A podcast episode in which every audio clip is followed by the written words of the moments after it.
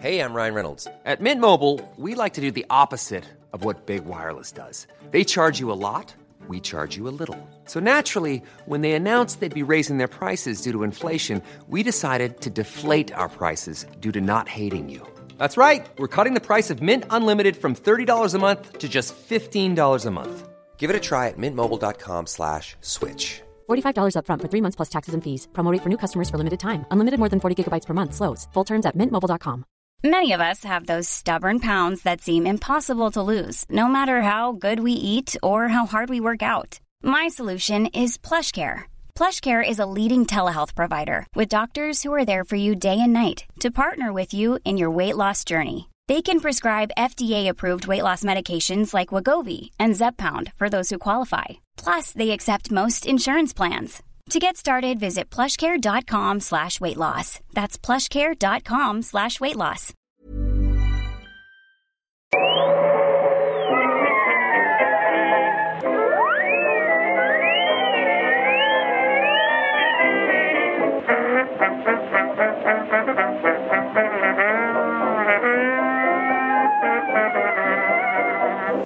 Då börjar sushit bara.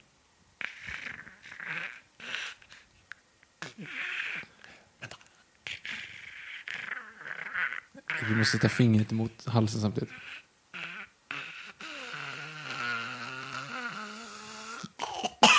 Ja, det var nära. Vänta. Ja, Okej.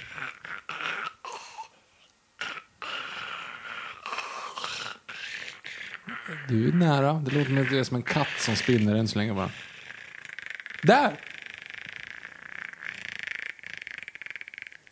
Ja, jag fick- Ja, nästan. Ja, men det, det, det är godkänt. Hej och välkomna till podcasten Nörden och jag. Det är jag som är nörden, Fabian Lander. Och det är jag som gör Viktor Det Engberg. här är podcasten i samarbete med Acast där vi pratar om nörden och nördkultur i slags bildande syfte. Jag försöker bilda Viktor i saker han tycker om men inte vet så mycket om. Och idag ska vi ut och jaga.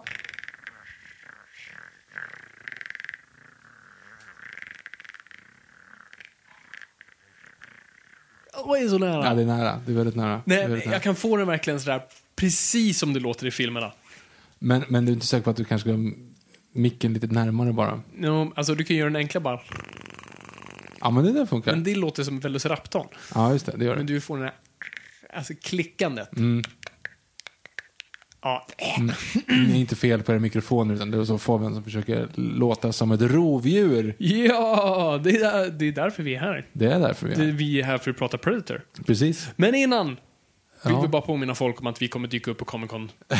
Just det. Men som sagt, inte organiserat på något sätt, utan vi, vi kommer att befinna oss på en plats på lördag eh, i framtiden. Och eh, säg till om ni gör det också. Det är typ på den nivån. Precis, eh, exakt. Ingen liveshow, det har vi, har vi sagt. Så att, nej. Så, så, Så vad finns det för anledning att komma dit när vi är där? om folk vill säga hej, Ja, helt ja enkelt. Ja, just det. eh, så är de välkomna att göra det. Så vi där följer oss på Instagram så kommer vi komma med detaljer och sånt där. At Noipod. Yes. Alltså ett, ett, ett snabel A, Noipod. Ja. På det där internetet. Vet, vet ungdomarna vad ett snabel A är ens? Eh, nej, men nej, kanske inte. Vet ungdomarna vad www, www, Ja, precis. Slår någon in ens www? Kommer du på dig själv göra det ibland? Aldrig gjort. Ja, okej. Jag kan komma på mig själv göra det ibland. Men däremot så kommer jag att jag hade en person, jag känner en person Mm. eh, som, som slog www.google.com och sen gick in och skrev liksom i Google-söket. Eh, då. La han till plus mellan orden också? Nej, det hade varit kul. Mm. Det hade varit kul. När, vi, när jag kommer på mig själv att göra det, jag, jag trycker typ på två så snabbt och sen kommer ah, nej, ah, ah, ja, nu har jag kommit för långt, jag kan inte backa. Mm. Så med det. Ja. Men, men folk vet inte vad vi pratar om. Vi pratar gibberish här. Ja. Snabel. Nej, men nu håller ju folk bara på med såna där fräcka grejer. De, de, eh, de, de eh, snackar på Fortnite och spelar dab hela tiden. Ja, äter badsalt och Hänger på Inferno online. ja, dricker cola och jol- dansar bugg. Ja, och bara lyssna på den där som kallar sig King of Pop. Usch, som man håller på med sina höfter. Det, det är inte en bra film. Nu har jag glömt bort vad den eh, Vad heter den? Walk Hard. Vad fan heter den? Den med John C. Reilly som är en uh, spoof på alla musikbiopics. Nej, jag har inte sett. Nej, Nej det enda som är kul när, när de, såna här ti- tider när de bara kör vanlig rockabilly-rock, Mhm. så börjar vissa kräkas för att det är så provokativt så att de rycker iväg. Och jag tycker spyhumor är jag svag för. Det, det är din humor. Yes. Mm. Jag skulle dra ett, ett bajsskämt jag hade hört för en vän på telefon häromdagen och jag kunde inte gå igenom storyn. Okej, höra. höll på, nej men det, det är inte en bra historia, det var via en då. Nej men det är inte ens en bra story för att det, det, det, det är via en podcast om en person som vi båda lyssnar på och var referens till en story. Han berättar om sig själv så det, det, det är inte ens liksom Inte ens, det, inte nej, ens värt det är inte värt det. Och det var inte ens roligt när jag berättade det. Alltså det är inte en sån rolig historia. Men jag höll på att dö. Alltså jag, jag kunde inte komma igenom historien. Och det är inte en lång story, men jag bara, jag kunde inte. Och där har vi din typ av humor. Ja. Och nu ska vi alltså prata om, ja, det är ju svårt det där. Eh, men jag tänkte nästan börja och ställa frågan, Fabian, vad är din relation till rovdjur? Men gud, vad gör vi här egentligen? Det- Okej. ja. Nej, men vad är min relation till rovdjur? Så här. Jag har ingen relation till den här franchisen. Jag ska vara klar med det direkt. För jag tror det är viktigt. Men det är det som kommer göra det här extra intressant. Eh, för jag är ju nästan nyfrälst om man säger så. så. Jag hade ingen relation till det. Jag visste vad Predator var. Jag hade sett designen och monstret. Man hade ju sett det. Alltså, det fanns ju mycket på 90 och 2000-talet. Så här, ihopklipp på trean och sen ZTV och sexan och sånt där. Då de hade ibland lite så monsterdokumentärer och sånt där konstigt. Det fanns, jag tror säkert på såna film, amerikanska filmkanaler man ibland hade hemma. Eh, och när de hade så specialeffektsgrejer eller monstergrejer, då dök ju oftast Predatorn upp, så jag visste vad det var. Men jag hade ingen relation till det, jag växte inte upp med filmer, jag såg inte filmerna. Men det var hos dig någon gång jag såg Predator. Och jag tror det var i förbifarten i periferin, för jag tror vi gjorde någonting annat.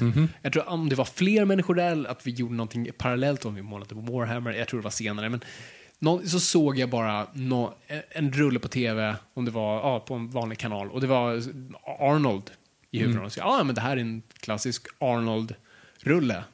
Massa coola snubbar i djungeln som skjuter saker. Och sen ser jag helt plötsligt hur det vänder och det blir en monsterrulle. Vad fan är det här? Och sen ser jag att det är Predator och bara, är det det här där? Va? Jag hade ingen aning.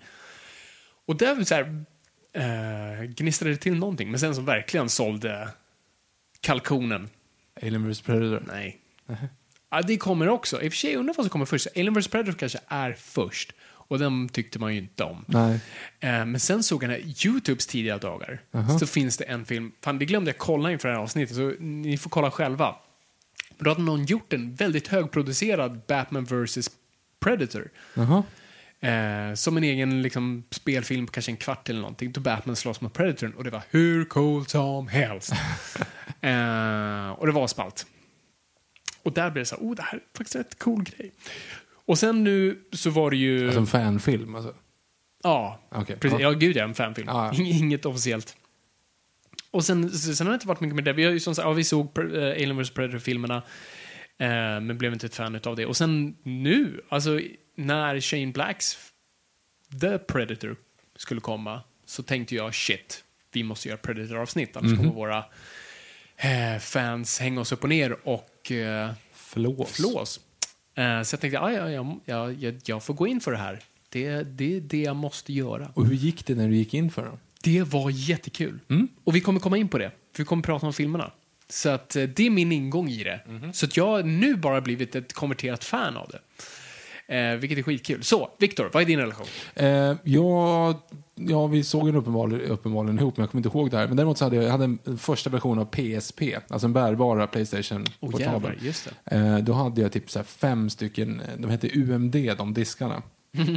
För man hade de För att fortfarande filmerna på. EMD. Nej, precis. Som var Erik, Mattias och Danny. Nej, Danny var inte med i EMD. Var Jo, Danny det var han EMD? ju.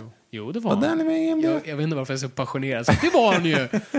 Var han det? Lägg av! Var det? Jag, tror tror det det. var någon annan. Det enda varför jag vet är för att det kom ju den här maskfilmen, en konstig polsk animerad film om maskar som då hade EMD som dubbade röster och de verkligen skyltade med att det var killarna och det för mig att Danny var med för jag såg någon reportage på SVT Kultur. Jag vet inte vem det skulle vara annars, men Nej, på D som också är en gammal idol-snubbe. ja, Daniel kanske. Idol-Daniel. Mm. Finns det en Idol-Daniel? Vad var det? 2004. Dreams are coming through. Ah, ja, just det. Han hette... Han är Daniel. Hette han inte Danne eller någonting coolt? Han hette nog Daniel. Ja, okej. Han kan ha varit 2005 också. För att han vann, han vann Darin, Mm. det var dubbel-D där också. Mm-hmm. Kom tvåa det året. Året efter vann ju Agnes. Men vem kom tvåa då? Sebastian. Ja, det var det Han året. Karl, Sebastian Karlsson. Det finns ju en fantastisk bild på oss. Vi har nämnt den här på den tidigare. Och den kommer, jag vet inte om vi når, vi, det får, Den är borta. Den är ju faktiskt... Den är Nej, inte, jag har den. Aha, skit. så här, vi får, om, om vi någon gång blir så pass populära att vi kan så här, typ hålla en välgörenhets eh, event av något slag. Så att, och vi vill komma upp i en viss summa för den här goda välgörenheten. Då kan jag släppa bild på jag och Viktor står awkward med Agnes på releasen av hennes platta.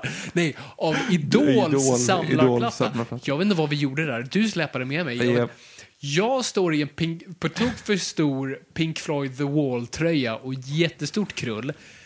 Du, vad har du på dig? Jag, jag har jo, du har på jag, dig jag en rutig tröja, ja, så här, kofta, det ser ut som Café Men så här Norrköping. märkeskläder, vad är den här med den Dal, gyllene? Dalin. Nej, det, det, det var skitsamma. Det var faktiskt att Peter Svartling hade på sig en sån i Idol, vilket verkar som att jag, det, så här, jag visste inte om det egentligen, eller jag tänkte inte på det. Så, men han, vi hade, jag ungefär som att jag hade så här, klätt mig som han, Ja. som en av Idol-juryn det året. Plus att jag då har axellångt hår, totalt ovårdad. Ja, det är då du Eh, hade Jennifer Garner. Jennifer Garner-frisyr. Yes. Precis. Mm.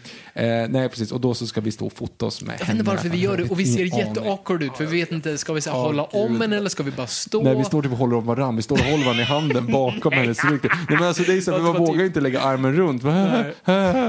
och, och man ser, alltså, det, ser, det ser hemskt ut. Ja, det en här är jätteointressant ska jag bara lägga till. Men det var i alla fall För 2005. de människorna som nu bara så här googlade på att de ville höra ett informativt avsnitt om Predator. Eh, ja. Hörde det här. Jag ber om ursäkt. Eh, Predator i alla fall. Ja. Den, jag hade den där eh, PSPn i alla fall och då hade jag typ tre filmer och det var League of Extraordinary Gentlemen, det var Predator och sen så var nej, ja det var Alien, det var Predator och sen så hade jag också Mm. Alien Bruce. Willis eh, Hostage Oh. eh, som jag aldrig såg. Så du förstår vad, vad upptagen jag var med att bara kolla Predator och Alien.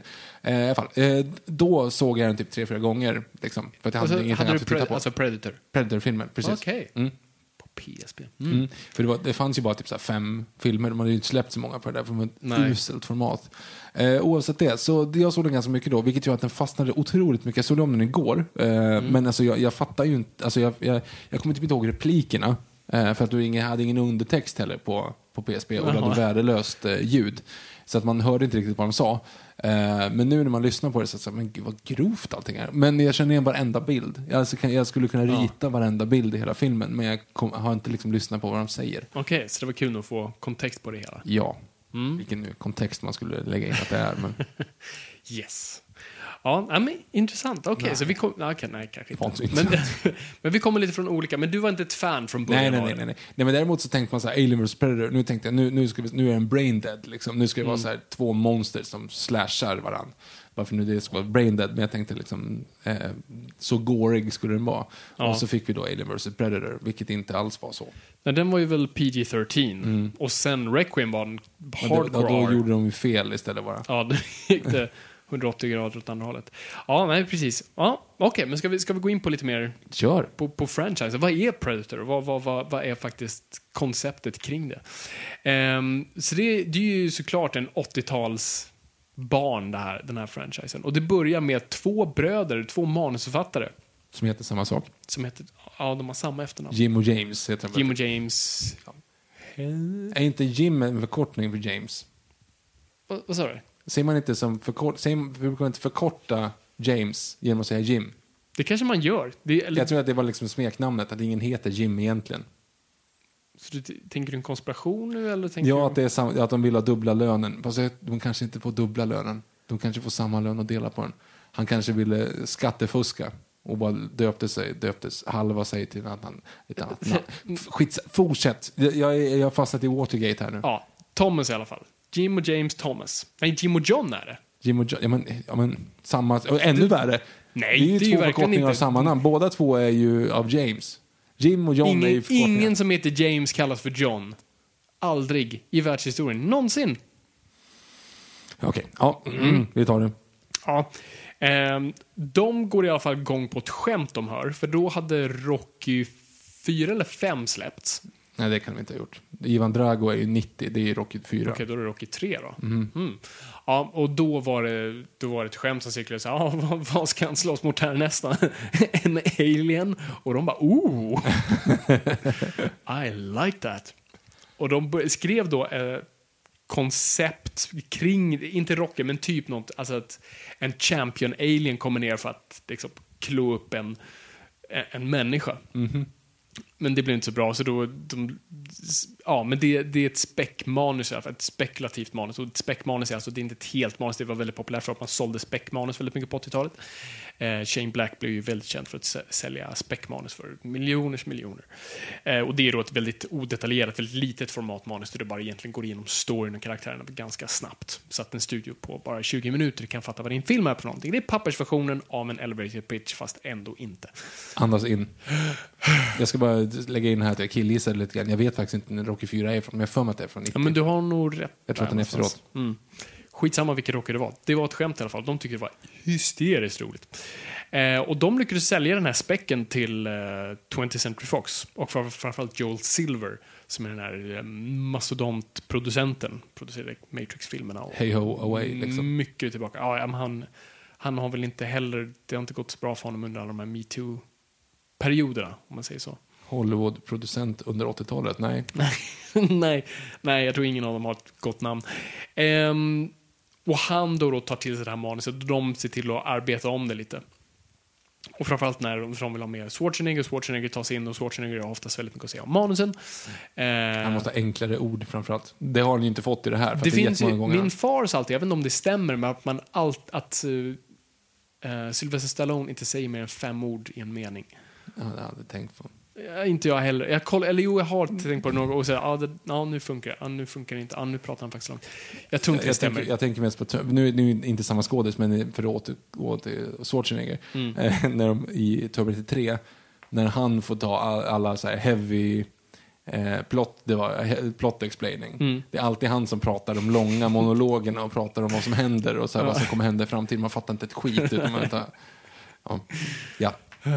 What is that? It's Apollo. Apollo doesn't look like that. ah, old times.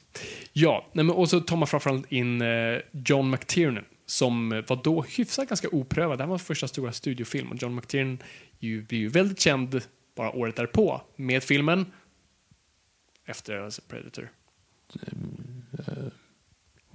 Yippee-ki-yay, motherfucker. Jaha, d- Spy Hard. Die Hard. Die Hard, tack. Ja, Bra. Die Hard, precis. Och sen tror jag han från Red October också gjorde En l- legend. Nu, men inte då. Ehm, snackar vi, snackar vi regissören? nu snackar vi regissör. Ah, okej, ja. John McTiernan. Vad gör han, vad är hans senaste jobb nu? Ehm, jag vet inte, jag tror han står i eh, matsalen vid, i finkan. Var nog hans senaste gig. Va? Ja, han åkte in i finkan. Jaha. Okej. Jag kommer inte, ihåg- jag kommer inte ihåg vad. Jag tror det är något skattebrott eller någonting. Jag tror inte han mördade någon. Okej. fuffens. Vi fortsätter. Vi fortsätter. Ehm, ja, och eh, då kommer den här stora frågan. Hur, hur ska den här monstret se ut, vår stora stjärna? Och man Inte Arnold då alltså. För honom vet vi hur han ser Nej, ut. honom vet vi. Och kalla honom inte monster. Så, de, så studion bara tar in några snubbar för, för att göra ett koncept och det ser ut som en mix mellan kackerlacka och en hund.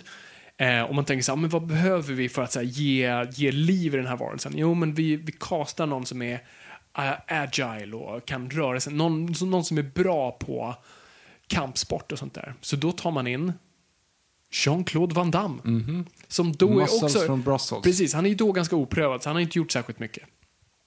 Och man sätter då honom i... Alltså, har, har du sett de här... Alltså, jag har ju varit klädd i en hummerkostym en gång. Mhm. Det ser lite ut som en sån, för de var tvungna att kroma kia då monstret. Så man hade då ett monsterkostym som då var för, för bilden. Och sen hade man då en eh, kroma key, alltså som en blue, blue screen dräkt fast i rött eftersom allt var blått. Allting och- var grått, blått och grönt. Ja. Exakt.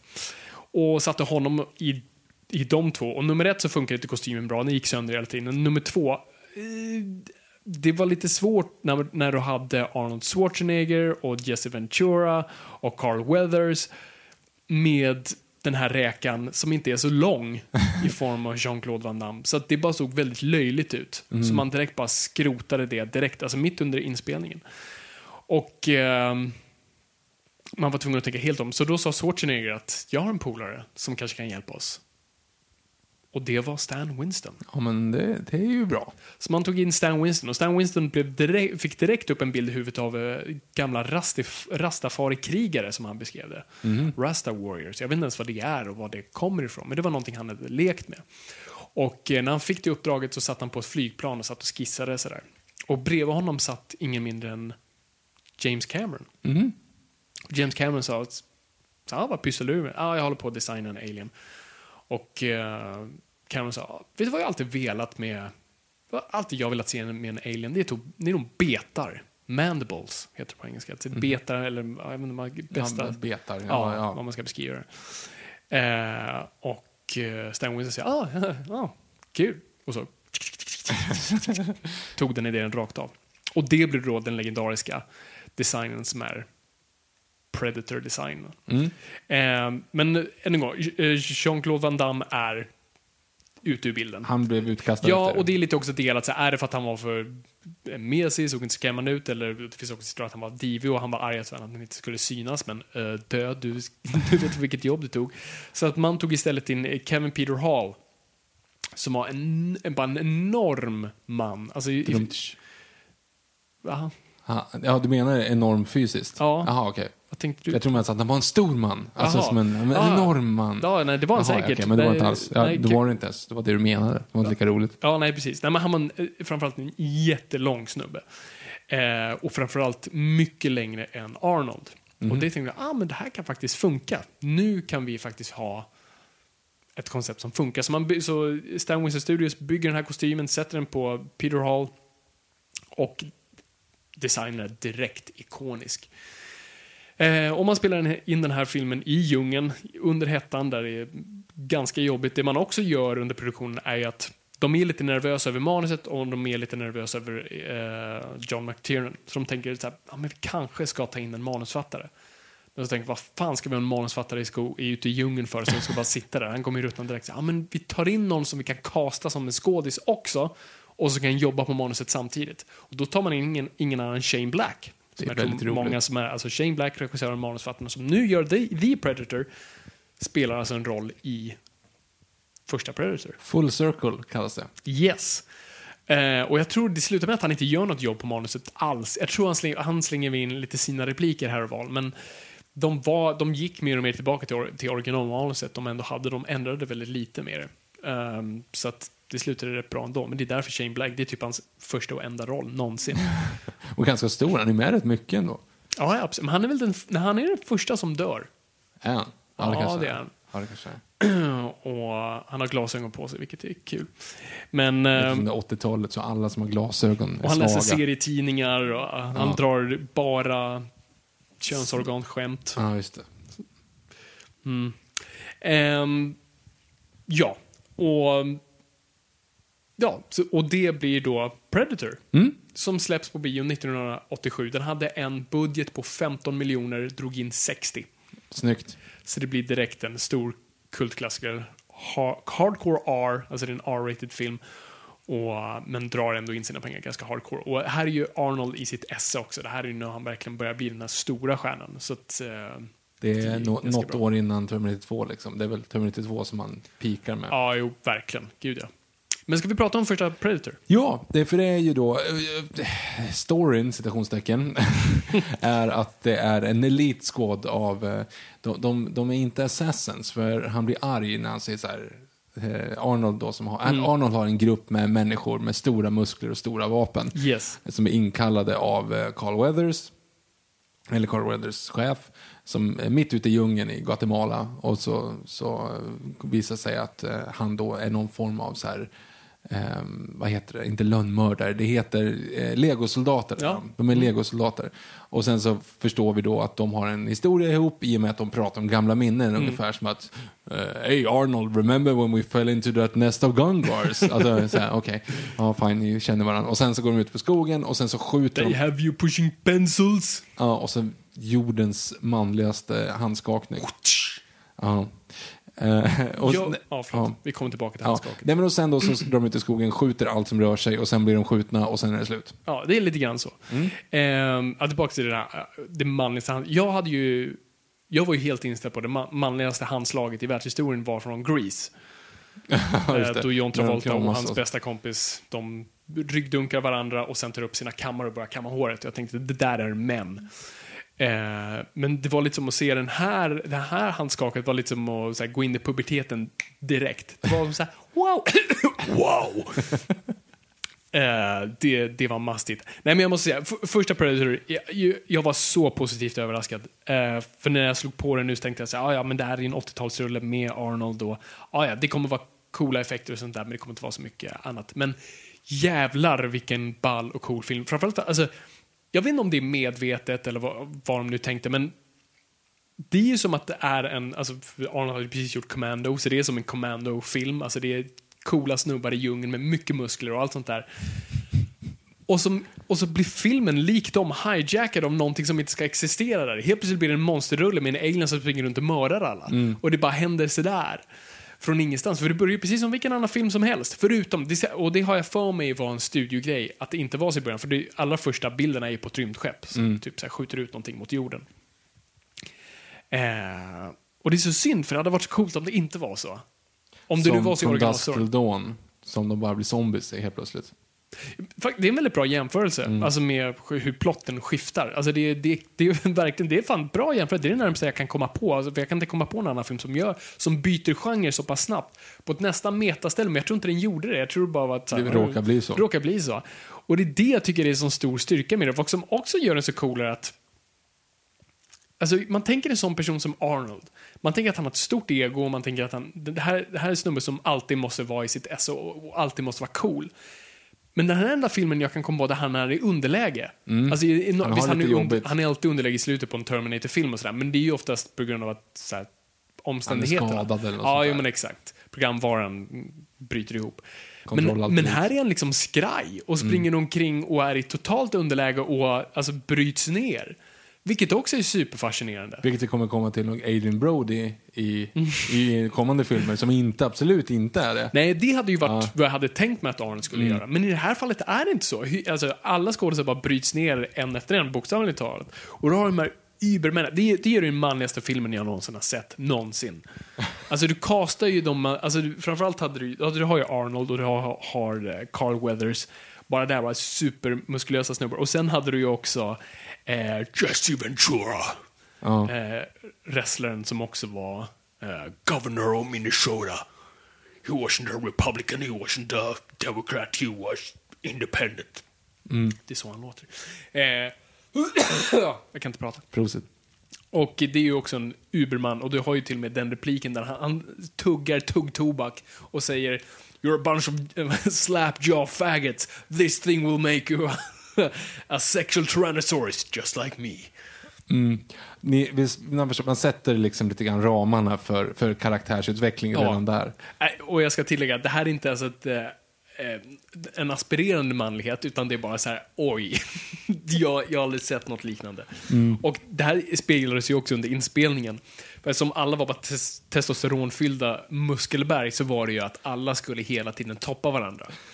Så när eh, Jesse Ventura skulle göra sitt kostymtest så glimtade han över liksom, kostym, kostymörens här eh, skräddarbok där det stod måtten. måtten. Och då såg han till sin förtjusning att han hade bättre armmått än Arnold. han hade alltså större biceps än Arnold. Och han var så överlycklig. Så under inspelningen en gång så gick han till Arnold och bara Du, Arnold ska vi... Vet du vad? Den som har fetast armar får en låda champagne. Vad säger du om det? Arnold säger ja, ja, absolut. Och så spänner de och mäter. Och det visar sig att Arnold har störst. Anledningen därav var att Arnold visste att Jesse Ventura skulle göra det här, så han hade gått, gått till kostymören och sagt åt dem att de skulle minska hans armstorlek i anteckningarna. Ja. Han är så briljant. Och eh, Jesse Ventura hämnades genom att gå upp lite tidigare än Alla gick ju på gymmet på morgonen in, in, innan inspelningen. Mitt ute i djungeln, ja. Ja, de var ju, alltså, det, det var ju säkert på bakgården av ett hotell. Men, Ja. men eh, så de gymmade varje morgon och eh, Jesse Ventura såg till att vara alltid tidigare än Arnold på gymmet. Men han typ sprang ner någon minut innan och dränkte sig själv i vattnet så han såg jättesvettig ut och. Och Arnold klarade inte av sån konkurrens. Så Arnold började bara gå upp tidigare och tidigare och tidigare och tidigare och Jesse gjorde det också men han hade bara strax tidigare och bara blötte ner sig så att så Arnold blev, och alla andra blev betydligt mer trötta. och sen var det någon annan också, det var mycket pranks de gjorde på varandra. Eh, Stan Winston var ju också där och han vaknade upp med Bullfrogs, vad är det för något? Alltså, vad är det, Ja, är det vanliga- en, det st- en stor, ja det är väl egentligen en padda tror jag. Alltså man ska ha. Alltså en grön stor padda. Mm. Han kom hem en kväll till hotellet och hittade en massa paddor i sin dusch. Mhm. Och tänkte, mm, Arnold. Eh, så han sa åt sitt crew att så här, hitta okej vi tar de här, hjälp mig att ta alla de här grodorna och så lägger vi det i, alltså du vet man lyfter på madrassen där det är en liten så här under sängen, typ, alltså där är den lilla luckan. Och där lägger vi under hans säng. Och det var nämligen den hel- helgen också, eh, vad hette hans fru? Shriver, eh, Maria Shriver, var på besök. Eh, och de dumpade en massa grodor. Och eh, Arnold sa ingenting om det efteråt. Det var väldigt hush-hush kring det där. Och eh, Stan Winston pratade om det här i flera år och tyckte det var jättekul. Och han var tydligen på en någon sån här late night eh, show och pratade om, pratade om det. För de sa, har någon bra historia om Arnold? Han kommer hit imorgon. Och eh, Stan Winston sa, ah, men jag har en perfekt, jag berättade grodhistorien. Och så dagen efter så ringde Arnold honom och sa så hej, har, har du berättat den här grodhistorien? Ja, precis. Jag tyckte att det var kul. Så, men eh, jag, jag måste bara säga Stan att det var inte jag. Nej. Och jag, så här, det sårar mig. och så, här, jag, ja, han tog väldigt illa upp det här med grodorna, för det var inte han. Eh, och det visade sig att det var Stanley Winstons egna crew, som även hjälpte Som honom hjälpte sen. honom till Arnold. Ja. Eh, så, det, ja, så, så det tyder lite på den stämningen som var under inspelningen. Det var en kaotisk inspelning eftersom ja, Ja, alla let's face sjuka. it, djungel. Djungel och ja, så jag kan säga att Arnold var, fick värmeslag och var borta i flera dagar och sånt där. Men ja, jag vet inte hur jag kom till det. Men det det är en manlig film hur som helst. Och det verkligen syns. Men ja, jag vet inte varför, det bara funkar av någon konstig anledning. Just för att hela den här macho-grejen bara blir helt nedtryckt när Predatorn kliver in och de här blir bara rä- skraja, rädda barn. Ja, det- som tar sig ja. ut en efter en efter en. När du säger det så så förstår man bättre. Ja. man säger liksom. eh, jag tänkte inte riktigt så. Jag tänkte bara så här, okej det är pastisch och sen så blev det liksom en monsterromp. Mm. Men det är klart att det är ju lite skillnad att de faktiskt alla som är asballa i mänskliga världen inte har en sportmössa liksom när Mm. Och ironiskt nog tas de ut av vad vissa kallat en vagina. Nej, va, va? Nu är vi lite så här på meta eh, Jaha, filmvetare-grej. Vi pratar om att eh, Alien bland annat är en metafor för män som föder barn. Här har du ju bara en, en, en, ja, en vandrande vagina som går och dödar supermaskulina män. Okej, så det, det är det ni pratar om på filmvetenskapen? Yes, alltså? Okej. läs inte filmvetenskap gott folk. Ehm, Men i övrigt, alltså den är, framförallt är den är otroligt snygg. Alltså just The Predator är ju fantastiskt snygg. Ja, och, och, och alltså du, du har ju Hall där som då Predatorn och gör en fantastisk prestation tycker jag. Alltså hur den rör sig och hur, jag tycker det är, han formar verkligen den karaktären. Han var även spelare i, i två, han, han dog 93 tror jag, eh, tragiskt nog. Så att han fick bara göra de här två. Men, men satte verkligen sin stämpel på det. Och alltså när den ställer sig mitt emot Arnold och trycker upp på dem, man ser bara hur jävla stor den är. och hur rädd Arnold är. Jag, jag, tycker det är otroligt effektivt. Och nej, den är ju skitball. Det är ju samma story som eh, Black Panthers första serietidning. Jaha, eller jaha, okej. Är det inte Black Panther så att han har kidnappar Fantastic Four och eh, Just det, tar Man dem is a dangerous game, ja, tar precis. dem Mm. Wakanda och så, så jagar han dem för att de är typ den bästa eh, det bästa bytet typ. Mm. Eh, det är ju samma story. Jag har inte tänkt på det. Bra, bra. Det var bra koppling där. Men jag, det är inte, alltså, Nej, men jag, jag tycker den är skitcool. För Ja. Just att den, den, match, den, den, den hoppar genre. Det börjar med den här supermaskulina commando actionfilmen och det blir Six och sen blir det typ en alltså universal monsterrulle. Jag, jag, det påminner mig väldigt mycket om gamla så här, Wolfman och Drak, eller Frankenstein-rullar. Med, alltså, när det verkligen är bara Arnold och Predatorn i typ ett träsk som står och slåss mot varandra. Alltså det är väldigt, det känns väldigt old school. Och det påminner om de gamla filmerna. Så den förstår, samtidigt som den verkligen korsar genrer så förstår den varje genre den är i på ett väldigt bra sätt utan att göra pastisch på dem. Och sen tycker jag den är otroligt bra fotad. Alltså jag tycker fotot är otro... eh, Nu har jag glömt bort vem eh, fotografen är på den här, men han gör mycket av Baz Luhrmanns grejer. Och han är en gammal Hollywood-legendar, så att den ser väldigt bra ut. Och den gör den här väldigt paranoida, klaustrofobiska stämningen tycker jag med djungeln. Alltså du, du ser ju aldrig Predator. Alltså det är ju väldigt, det är mycket Jaws-biten av det. Jag tror inte du ser Predator för minst en timme in. Nej, nej, du ser ju bara konturerna av den Ja, i bakgrunden. exakt. Liksom. Så du, alltså, tänk dig för de som såg det för första gången hade ju ingen aning om hur det såg ut. Mm. För, jag för att posten tror jag fortfarande bara var Arnold. Ja, just det, med ett sikte på sig. Ja, precis. Mm. Och eh, du ser ju först bara Predatorns synvinkel som är den här kända värme... Vad ska man säga? Thermal vision. Som Mm. också var riktig thermal vision. De hade någon thermal vision-kamera ovanför filmkameran och så matchade de bara ihop det. Mm-hmm. Så att eh, det funkade. Mm-hmm. Eh, och jag gillar, och sista akten med Arnold tycker jag är jättebra. Med leraren är en jättebra lösning. Och jag tycker Arnold faktiskt är riktigt bra det. Han är bra regisserad, han gör en bra prestation. Ja, men det måste jag säga. Han, han, han är trovärdig åtminstone. Ja, inte så mycket i början med liksom, Mm. I have you pushing pencils. Eh, you son of a bitch. Mm. Men det är skö- jag, jag har liksom glömt bort att det är i den här alla de här eh, replikerna kommer. Alltså, Get to the shopper! Ja, get to the chopper och stick around och Mm. Stick knock, around är knock. Alltså, jo, det, den har ju otroligt många klassiska repliker. Mm. Och uh, Ain't got time to bleed. Eh, det är ju inte en Arnold-replik, det är Jesse Ventura. Men det är otroligt mycket klassiska repliker i den. Och, jag, jag, jag, tycker, jag, jag måste säga att jag är ett nykonverterat fan. Och det var otroligt underhållande att se den här filmen. Och det är sån här, så här, den här vill jag bara se om. ja, nej, men Jag, jag saknar lite såna här rullar. Det är lite kul också att jämföra actionfilmer, vad som är coolt nu. Nu är, nu är vi ju lite i trenden, och varit kanske de senaste tio åren. Nu är det coolt med det här småpepprandet. Alltså John Wick en gång, men också Mm. lite John Bo- alltså, bam, bam, bam. Alltså göra så här, kommer du ihåg i eh, Zero Dark 30? Ja, två skott. Eller, Två, ja, ett skott liksom när de skjuter av. Nu är inte det en actionrulle, men den ska ju vara en realistisk Mm. gestaltning av eh, vad ska man säga, dödandet av Osama bin Laden. Jag får inte två de ska göra. Det Bam, kanske bam. är, Alltså det kanske de- är bara två. Ja. Mm.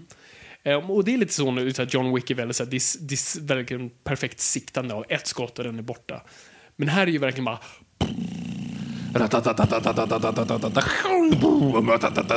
Ja. alltså det är ju hysteriskt roligt när de bara skjuter mot skogen där. Mm. Då de blir rädda för första gången vad det nu är. Och jag tror det är typ en minut och de bara... minigun och Mm. andas var. Alltså, helt sinnessjukt. Eh, och jag, också bara, jag gillar, alltså Predatorn, vi, vi vet ingenting om den, vilket är jättebra. Vi vet inte var den kommer ifrån, vi vet inte vad den syftar, men vi, vi lär oss mer och mer utan att Ingen beskriver någon gång dess motiv eller försöker säga så här, ah, den gör så här på grund av det, försöker Nej. hjälpa oss. Utan vi fattar hela tiden vad den gör och vad den inte kan och inte. Vi fattar att den inte ser honom när han ler på sig. Han, behöver han säger typ någon gång så ah, doesn't see me. Du vet, han Ja. säger inte någonting mer än så. Och vi Don't move. Mm. Can't see me don't move. och just den här grejen när den tar av sig masken och vill slåss liksom mano a mano mot Arnold så förstår du också, ah, okej, det här, den här har en hederskod. Att nu har den här personen, eller den här monstret, alien, hittat vad den uppenbart var ute efter, typ den perfekta motståndaren. Och därav vill göra det fist to fist och inte bara, för den har ju alla medel till sitt förfogande att bara ta ut Arnold när han vill. Men nu bara, nej vet du vad, nu kör vi bara du och jag. Eh, ja, ja, jo men så är det ju. Och sen så, de lider ju lite grann av, story, eller så här, manusmässigt så förstår man att de tycker att det måste ha slitit sitt hår för att de får ju aldrig förklara någonting. Nej. Men det är precis som du säger, eh, annars brukar man alltid ha Harry Potter Harry Potter, en Harry Potter-karaktär som Ja, alla andra kan förklara världen för. Men här är det liksom, det är sju Harry Potters med stora muskler och vapen som Ja. springer ut i skogen och ingen förklarar någonting. Jag älskar den bilden för övrigt. de, kan inte, de, de har ingen aning om vad det är som händer, så de bara springer och... Ja. Ja, det är Mm. Ja, kul. och det är det som är, alltså, tillbaks till Stan Winston. Alltså, ha- hade de haft den här jävla räkan i början, första design, precis som har pratat om med Alien, Alien bygger på den designen. Att Giger-designen satt och vad det det var, är succén. Absolut, den är perfekt regisserad, alltså perfektion till casting och alltihop. Hela, hela paketet är bra. Men sett nu, hade det varit en snubbe i en grön kostym bara, så hade det varit kört. Och det är samma sak här tror jag. Alltså, Predatorn, du har inte aldrig sett något sånt där. Det är precis som Alien, det är en helt annan, helt annan design, de är inte ens besläktade. Men det är någonting där som bara säger, jag har aldrig sett det där tidigare. Och den har mänskliga referenser, det ser ut som rastaflätor, men det är inte rastaflätor och den har vissa insektsaspekter, men också ödel, ödel och krokodilaspekter. Ja, alltså det hade ju varit väldigt dumt om man hade skrattat åt den när den tar av sig masken. Ja, Alltså, för det hade ju kunnat hända. Mm. Alltså, så är det ju i nästan alla monsterfilmer. precis. Ja. Ja, precis. Men här är inte det. Och, Jag tror inte att det är många som och, men gör du det. får ändå ett skratt ut av det på ett bra sätt. Och där är ju också en uh, klassisk replik. You one ugly motherfucker. Mm. Ehm, som Arnold säger. Och eh, en annan kul aspekt av design med uh, Predatorn var Stan Winston. Han designade den och när han skulle presentera det för uh, Joel Silver som var uh, producenten så ifrågasätter uh, Silver så här, varför har han nät på det? Han har ju det här nät, vad ska vi kalla det? Mm. Ja, bryn- Nätstrumpan, typ. brynja, Ja. ja, nät. Och Stan Winston sa, nej men det är för att vi vill visa att han är en tänkande varelse, att det här är inte bara en savage, utan det här är någon som, det verkar vara någon tanke bakom saker och ting. Och Joe bara frös och då, pff, nej, ta bort det där. Och sen ett par veckor senare så kom eh, Joel tillbaka med finansiärer från studion och sa kolla på den här fantastiska designen, kolla på det där nätet, det visar att han är en tänkande varelse. Så att eh, jag gillade den storyn när Stan Winston berättade det. Taskigt att säga också. Vadå att... Ja, och sälja ut silver på det sättet. Ja, jo, lite grann. Jag tror Stan Winston inte hade så mycket, han hade tillräckligt med makt för att kunna göra det. Eh, så ja, nej, men jag tycker jättemycket om Predator. Den fick en Oscarsnominering för effekter, tror jag det var. För smink, tror jag. Jo, smink fanns det som Oscar. Jag tror det är effekter, det kan vara smink. Ja, det är den värd oavsett. Yes. Men det, det här blir en enorm succé än en gång och den, den slår direkt i kulturen. Och vad, vad den framför allt blommar ut, den här, och det som är kul med den här franchisen, är att den blommar ut ordentligt i, eh, i mediet serietidningar. Och där får den en, en superslagkraft, så pass stor att Joel Silver blir övertygad av serietidningarna att göra en uppföljare, inte av succén på den första filmen. För än en gång, vi lever inte i, i uppföljarlandet vi lever i nu, där det är helt självklart att du gör en och du bara pumpar ut dem, utan då, du gjorde din film och så här, perfekt, vi gjorde det, vi klarade det, så nu lämnar vi det här. Nu ska jag skriva någonting annat. Yes. Men serietidningarna var väldigt uppskattade och, man märkte, för det är ju det man tänkte med uppföljare, att så här, "Ja, men det, folk kommer inte komma ihåg det, det finns ingen buzz kvar. Men serietidningar hade hållit igång det och serietidningar är väldigt um, uppskattade. Och jag ska säga det, jag har inte läst eh, en Predator-serietidning, jag ville göra det inför det här avsnittet men, men det blev bara inte av. Och jag vill så gärna göra det för att det finns ju framför allt, framför allt, Batman vs Predator. Som jag har hört är fantastiskt. Och jag, och jag läste igenom bara vad storyn var. Och tänkte, oh, det här, Vad är storyn? Ja, men storyn är, ja, men en Predator hamnar i Gotham, ger sig först på bo- boxare, för de, den tänker att det är den ultimata kämpen. Men sen dyker ju Batman upp. Och då är det det bästa. Och Batman blir helt fucked up och ligger typ i sjukhussängen i veckor. Så han måste bygga en, nästan en Dark Knight Returns-esk liksom, superdräkt för att slå skiten ur Predator. Och du har um, Alfred med en hagelbössa och ja, det, ska vara skitballt. Okej. Tror det är Andy Kubert som, som illustrerar det. Jag är inte hundra, men jag har för mig det. Ehm, och sen det har gjorts uppföljare på den också. Så att det, den ska jag definitivt läsa. Så jag tänker att, jag vet inte när vi gör det, men jag vill göra ett Predator-avsnitt igen då vi går igenom serietidningen. För det här är ju också en serietidningspodd och jag skäms lite för att vi inte har gjort det. Förlåt. Ja, Jag ska be om ursäkt. Så att eh, för ni, er som skriker bara Åh, fan Fabian, du svek. Så vi ska plocka upp den här bollen igen och jag ska läsa lite. För att där har man framförallt byggt upp eh, kanon. Mer än i filmerna. Där finns det en helt annan struktur till hur, hur det fungerar. Men jag, vi kan komma in på det lite senare. Vi går igenom filmerna nu. Så, man bestämmer sig för att göra en uppföljare till tvåan. Man är väldigt intresserad av ha John McTiernan och Arnold Schwarzenegger tillbaka, men båda är lite på en annan paygrade. Efter Die Hard så ligger John McTiernans, eh, vad ska man säga, Gage. gage på 2 miljoner dollar. Det är väldigt mycket för en regissör, säkert då. Så det är 89. Och eh, Schwarzenegger, ja, han vill ha multum. Och input i manus, för han hatar det manuset de kommer på. Eh, för det här är ju mer en urban eh, story som utspelar sig i Los Angeles i framtiden av någon konstig anledning. Ja, jag, jag, fast 1997. inte så långt fram, utan sju år fram. sju år fram. Och ja, så här, är runt poliser. Och Arnold tyckte inte alls, om, att- tyckte inte alls att det var rätt fokus att ta det till stan. Så att eh, han sa it's my way or the highway. Och de valde Det the highway. highway. Mhm. Och där tar in Danny Glover istället. Eller det var alltid tanken. För att, ja, ni som har sett filmen, alltså, vad, hur Arnold skulle ha spelat in i den här filmen hade varit med eh, Gary Busey. Gary Buseys karaktär. Inte 100% de var ju tvungna att forma om den, inte var honom, men alltså mer en snubbe som jagar aliens. Och det går ihop med polisen. Men in Black liksom. Ja, precis. Typ. Eh, så det är inte det. Så, då får vi istället Danny Glover. Och nu har jag glömt bort regissörens namn som har gjort den, men han hade gjort eh, Terror on Elm Street 5. Så han, Ja men då är han ändå... Då är han ju ändå... Home run. Ja, det blir bra. eh, och jag får mig att han inte gjort så mycket sen dess. Eh, och det blir Predator 2 då. Eh, Alltså jag, jag kan tycka den är underhållande på ett... Alltså den är underhållande, om jag säger så här, den är underhållande. Men det stannar fast där. knappt alltså. Och jag tycker den tillför... För det den gör är att den tillför intressanta aspekter av Predator.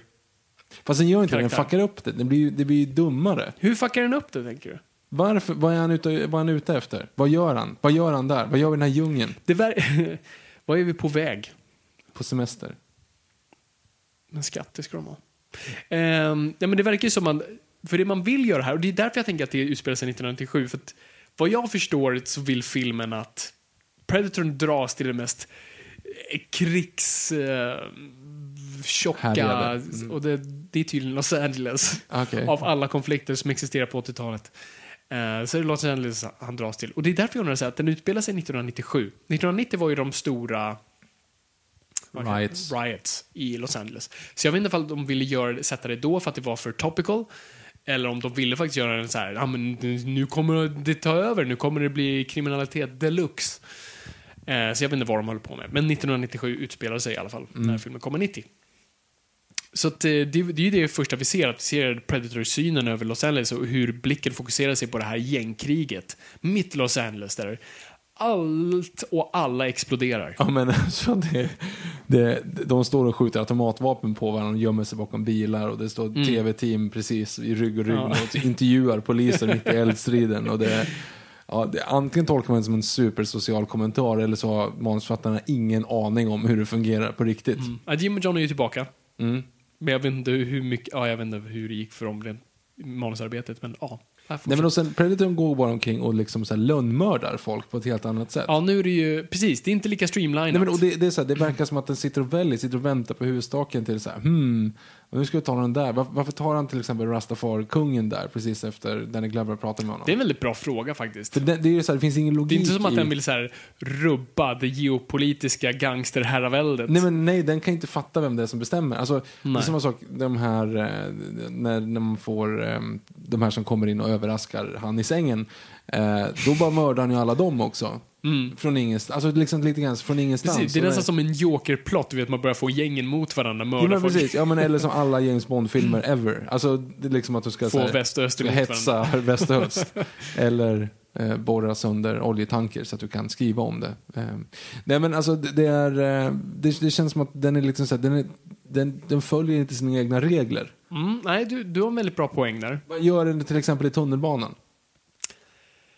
Ja, det är ju också där, det är gäng där och poliser. För det, Fast vadå, det är skillnad att stå med automatvapen och skjuter på varandra kontra en som kommer fram och Just det, för Danny så Glover är inte ens i Nej, det där han- tåget. nej, Så han- de dras inte till honom, utan de bara dyker upp. Ja, ah, det fan, det är sant. Det är väldigt Han bara, konstigt. het, han bara tokmördar folk whatsoever. Men inte så här, inte bara ut på stan utan beräknande. Alltså, Mm. det, är, jätte- det är lite konstigt. Jag tyckte också att man liksom tappade Predator-känslan på det sättet. Mm. För det är mer Terror on Elm Street. Ja, jo, men faktiskt. Det är, liksom, det, det är actionversionen av en porrfilm då det verkligen är så här beställer en varm korv och så bara want some sausage och så börjar, liksom, börjar scenen igång. Det är lite samma sak här. Det bara är en scen och så, dy- och så händer det. För det är Ja. det som ska hända. Ja, precis. Konstig jämförelse, jag ber om ursäkt. Ja, nej, men jag förstår vad du menar. De beställer en korv och sen så bara mördas 80 pers. Exakt, det är precis det jag menar. Nej, det, du har rätt där faktiskt. Jag, jag hade inte gått så mycket på djupet på den filmen. Det, det är faktiskt väldigt sant. För, för det är det jag inte fattar med den här filmen. För först verkar den ju dras i gängvåld. Det är ju det, alltså, så filmen handlar ju typ om det. Och sen så kommer Danny Glover in och gör en cool ja. Ja, jag vet inte vad han gör. Han gör någonting för att uh, hoppa in i kriget om mellan de här. Han, han kommer in med sin bil och gör något coolt. Och då ser Predatorn honom, så då tänker jag så här, ah, de väljer ut honom som the ultimate champion. Men det är ju inte honom de är ute efter först. Nej, han, sen så byter han det liksom. Och sen är det ju mer att han dropp, han ger sig efter dem efter Predatorn har mördat Bill Paxton. Ja, precis. För Så- älskar Bill Paxton. Mm, Stackaren som alltid spelar douchebag i alla filmer, alla filmer från 80-talet. Och den enda personen som mördats av en alien, en Terminator och en Predator. Ja, det är sant. Så att... eh, Bra jobbat. Mm, han hade i alla fall det på, sin, på sitt CV. Um, tänkte säga, han sjönk med Titanic, men det gjorde han inte. Han, han, han, Och han kramade Joe Jättegorillan. det gjorde han. God damn it. Kan du sången till Joe Jättegorillan?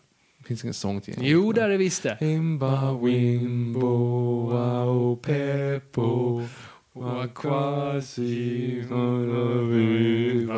Där du ser! Jag har inte tänkt på det här på 15 år.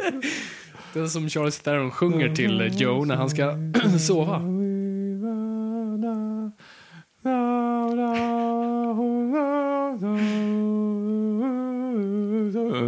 Jag blev alltid rörd av den som liten. Ja, det är jättefint. Jättefint. Det är därför jag fick flashback i den scenen när de ska köra eh, The Lullaby i Avengers. ehm, När, han ska, när hon ska tona ner Mark Ruffalo. Jaha, var det det? Det är liksom så här, jag fick, jag fick en känsla. så här, varför känner jag igen det här? Joe Jättegorillan. Ja, det är inte, inte helt far off. Eh, Monstrolle. Monstrolle. Ehm, tillbaka till Predator 2. Bra koppling där mellan de två. De har i och för sig Bill Paxton gemensamt. Ehm, ja, så Danny Glover är ju uppenbart inte the Ubermensch i den här. Och det är Nej. en konstig casting efter att har haft Arnold. Ja, ja. För att i Så filmerna... Vart går vi efter det här? För Danny Glover är en fantastisk skådis och han surfar väl hett på Lethal Weapon-filmerna, men i dem är hans mantra I'm too old for this shit. Ja, och han låter när han ställer sig upp i den här filmen. Ja. Han, åh, hej! Man ser när han ska böja sig ner, han går ju till eh, Bill, är det Bill Paxtons grav? Nej, det är hans andra kompanjons grav, han med halsbandet. Eh, och då ska han ju sätta sig på huk och man märker att han, de har tagit bort ljudet. Man hör. För man borde ha hört Han kan inte riktigt böja knäna så bra. Ja. Ehm, så det är bara en intressant, konstig eh, duell mellan de två. Så att det blir inte det här... Mm. Och du får aldrig riktigt heller säga, jaha, han, han tänker mer. Utan han Nej, är ju precis. Arnold. Exakt, det var det jag alltså- också hade tänkt. Att det skulle vara, han använder huvudet, men han råkar ju bara få du vet, deras egna vapen, den här Mm. konstiga eh, disken. Och sen så bara använder han den. Mm. Inte på ett smart sätt, utan bara stäbar. Ja, det är en konstig, Ja. konstig, konstig film. Eh, och, mm, ja, action, det är också här bara skjuta loss deluxe, vapen, herrejävlar. Det finns ingen riktig tanke bakom det. Det är bara så här. Jag, alltså, jag, jag, Effekterna är bättre. Den här gången. Osynlighetseffekterna är bättre. Predatorn ser cool ut. Det är Hall än en gång som är Predatorn och jag tycker han gör en, än en gång en cool prestation och det ser ballt ut. Ehm, och så har du den här lilla, på tal om kostym och sånt där, så har du den lilla detaljen. För här ser vi lite mer vad deras motiv med ryggrad och just det. skallar är. Det. Och det verkar att de har, har troféer. Och det är det här jag menar, det jag gillar lite, hur de utvecklar Predator Men det var ju typ inte meningen. storyn. Det var inte meningen. Ja, ja, det är klart det var meningen. Men vadå, det gör han i första också. Han, han tvättar ju skallen och stoppar den typ i, i en låda ju. Gör han? Ja, Tvättar nej, inte gör han utan Ja. Alien. Men tvättar han skallen Ja. i ettan också? Jag blandar ihop de här nu, så nu tänker jag bara på tvåan. Mm, nej, han gör ettan också. Okej, men här ser vi lite mer av det. Man ser Mm. att han sätter den någonstans. Och vi ser då att han har en troféhylla. Och vad finns i troféhyllan? En Alien. Yes, ett eh, alltså alienhuvud, alltså xenomorph alien. Mhm. Och det är ju här det först bara folk började gå haywire på att shit, det här är samma universum, det är delat universum. Det här är innan ens det fanns sånt. Det var ju inte tanken, utan det var ju bara Stan Winston Studio som de hade jobbat på Aliens, de hade jobbat på Predator, vi har en skalle över. Mm. kan vara kul. Att det var mer ett Easter egg för dem snarare än sätta sitt vattenmärke på det. Så det var ju inte som att det var en större tanke i det, det var bara Det är mer en This is why Superman walks alone. walks alone. Walks alone. Förlåt. You never walk alone. Vi blandar ihop det med. You never walk alone. Inmarsången för Liverpool. Fortsätt. Okej. Ehm, Och Celtic ska vara så. vad sa du? Nej, det var inget. Fortsätt.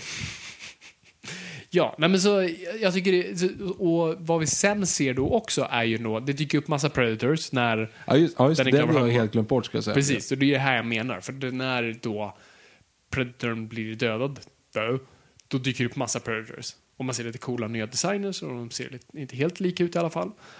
Och vad får Danny Glover som en gåva? Jo, han får en gammal, vad kallar man det, muskötpistol, vad heter de? Ja, ja musköt. Ja, men en pistol. ja, jag vet inte. En pistol, en gammal pistol som är märkt då 1715. Mhm. Och ett namn på som jag nu har glömt bort. Där man tänker så här, "Åh, de har kommit hit förut, det här är någonting som händer. Ja, och det gillar jag. Det gillar Ja, jag. det är det jag menar, det är det jag pratar om. Ja, och det kan vi komma till på om tre filmer. Eh, En idé som vore lite fräck. Ja, det, det kan vi göra. Um, andra grejer som jag inte gillar de utvecklar här, och det är, de, de, för det första filmen verkar det ju som att de, alltså det, den verkar kunna spela in röster. Mm, ja, ja, faktiskt. Den spelar in och sen så låter det ur, ur typ västen. Mm. Precis, för att Men locka och här, här förvirra. vet han att han ska säga mother, you're one ugly och så lägger Predator in. Va, va, hur lärde du dig det? Alltså, precis, kan ni har du prata? tittat för mycket på Cartoon Network? För det enda jag 80-talet. tycker är konstigt med första filmen, när det, kommer, det är att den skrattar.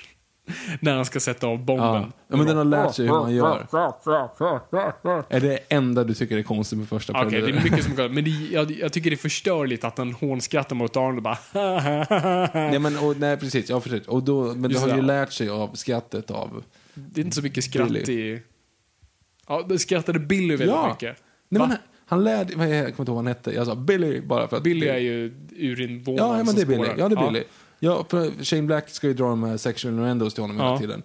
Och då så, så skratt, tycker inte han att de är roliga, han går bara därifrån. Men Mm. så säger han så här, Yesterday I, I, went in, I went down on my girlfriend and she and I said, damn you had a big beep and, and uh, damn you had a big beep damn you had a big beep and she said why did you say that twice and I said I didn't. Mm. Och då så skrattar han. Så, oh, oh, oh. Det är ett jättedåligt skratt. Och det är ju då, då spelar ju han in det skrattet. För man ser ju hur han så här, och så ser man ljudfilen på sidan Mm. Av hans hjälm. Så hade det är ju Billys skratt han gör. Jag han har lärt sig det. Jag missade det. Okej, men då, det, då, då gör de ju även det där, vilket jag tycker att det inte är hjälmen, utan de härmar. Jo, jo, men han har ju hört det. Alltså, så här, han har aldrig hört ordet motherfucker i Nej. tvåan. Nej, precis, han lägger, inte in, samma han, lägger ju in, nej, han lägger ju in det. Han vet ju hur Danny Glover ska avsluta den här meningen Ja. av någon anledning. För han har läst manuset. Ja, precis. Mm, är det är jättekonstigt. Och det är flera instanser då det verkar som att de kan faktiskt, de säger ju saker. Ja. Eh, till Danny Glover. Take it säger de ju till, till tror jag, när det kommer till eh, pistolen eller någonting. Mhm. Ehm, och, man, och sen är det också lite diffus med värmesynen, för det tänkte också bara vara från hjälmen. Mm. Men, Nej, precis. och för det, är, det tycker jag är coolt i första filmen, för när tar- man märker att han tar av sig hjälmen, då ser han bara typ rött. Mm. Man vet inte riktigt vad det är han ser.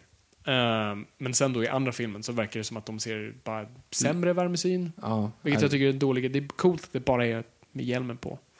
Lite regler, tack. Ehm, nej, men annars tycker jag, alltså det, det är en typisk 80-talsrulle. Den har Robert Davi i sig och Gary Busey. Tydligen efter hans motorcykelolycka, så det här var då han went crazy. Men Han Märks ganska inte low mer än key roll. Ja, det, det måste jag ändå säga.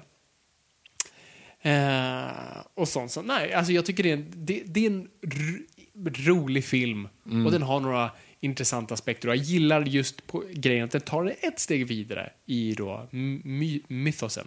Ja, Som men är de hade kunnat göra om allting annat förutom Mythosen. Mm.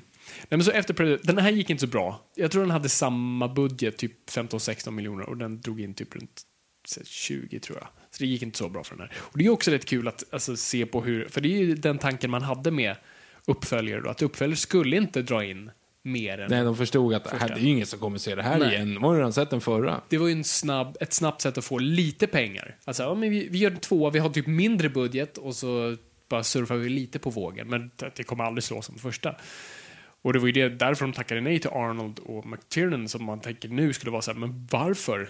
Men det är Är för att de var, de var för dyra och skulle ta upp budgeten. De vill ha en, om inte lägre, samma budget. Ehm, så den här gick inte lika bra, så det dödade franchise lite. Men den, den levde enormt väl i serie, bland serietidningar. Och det är Dark Horse som fortfarande sitter på de rättigheterna, eller rättigheterna, lånar den eh, licensen. Och fortsätter än idag producera serietidningar. Och där bland annat då Alien vs Predator kommer bara, jag tror året efter, Ja. ut i serietidningsform. Och du har också en serietidning där de faktiskt utforskar var den här pistolen kommer ifrån, som den här Danny Glover får. Då en Predator slåss mot piraten som ägde den här pistolen. Eh, så det ska vara en ganska cool story, så att, eh, den vill jag läsa. Eh, och de gör ju massa verses. Alltså, Batman har gjort verses, och det är Alien vs Batman finns också, och Alien vs Superman finns massa. Predator vs. Kranbärarna i Underlandet. Absolut, helt klart. Så där lever det, lever det ut ganska väl. Och där finns det ju då hela backstoryn som att det kan så, så väl. Men det finns några aspekter till det. Men vet du vad? Först går vi på reklam. Jamme, jamme, jamme, jamme, ja. För nu blir det mer reklam. If you thought the only way to get a more defined jawline with natural looking results was through surgery, think again. Juvederm Volux XC is a non surgical injectable gel filler that improves moderate to severe loss of jawline definition and can help you achieve natural looking results with little downtime. Even better, this improved definition lasts up to one year with optimal treatment. No maintenance required. Improve jawline definition for a smooth, sculpted look with Juvederm Volux XC. For important safety information and to find a licensed specialist, visit juvederm.com. That's J U V E D E R M.com. Not for people with severe allergic reactions, allergies to lidocaine, or the proteins used in Juvederm. Common side effects include injection site redness, swelling, pain, tenderness, firmness, lumps, bumps, bruising, discoloration, or itching. There's a risk of unintentional injection into a blood vessel, which can cause vision abnormalities, blindness, stroke, temporary scabs, or scarring. Talk to a licensed specialist to find out if it's right for you. Hey, I'm Ryan Reynolds. At Mint Mobile, we like to do the opposite of what Big Wireless does. They charge you a lot, we charge you a little. So naturally, when they announced they'd be raising their prices due to inflation, we decided to deflate our prices due to not hating you. That's right. We're cutting the price of Mint Unlimited from $30 a month to just $15 a month. Give it a try at mintmobile.com slash switch. $45 upfront for three months plus taxes and fees. Promo rate for new customers for limited time. Unlimited more than 40 gigabytes per month. Slows. Full terms at mintmobile.com.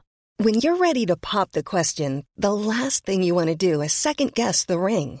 At Bluenile.com, you can design a one of a kind ring with the ease and convenience of shopping online. Choose your diamond and setting. When you find the one, you'll get it delivered right to your door. Go to Bluenile.com and use promo code LISTEN to get $50 off your purchase of $500 or more. That's code LISTEN at Bluenile.com for $50 off your purchase.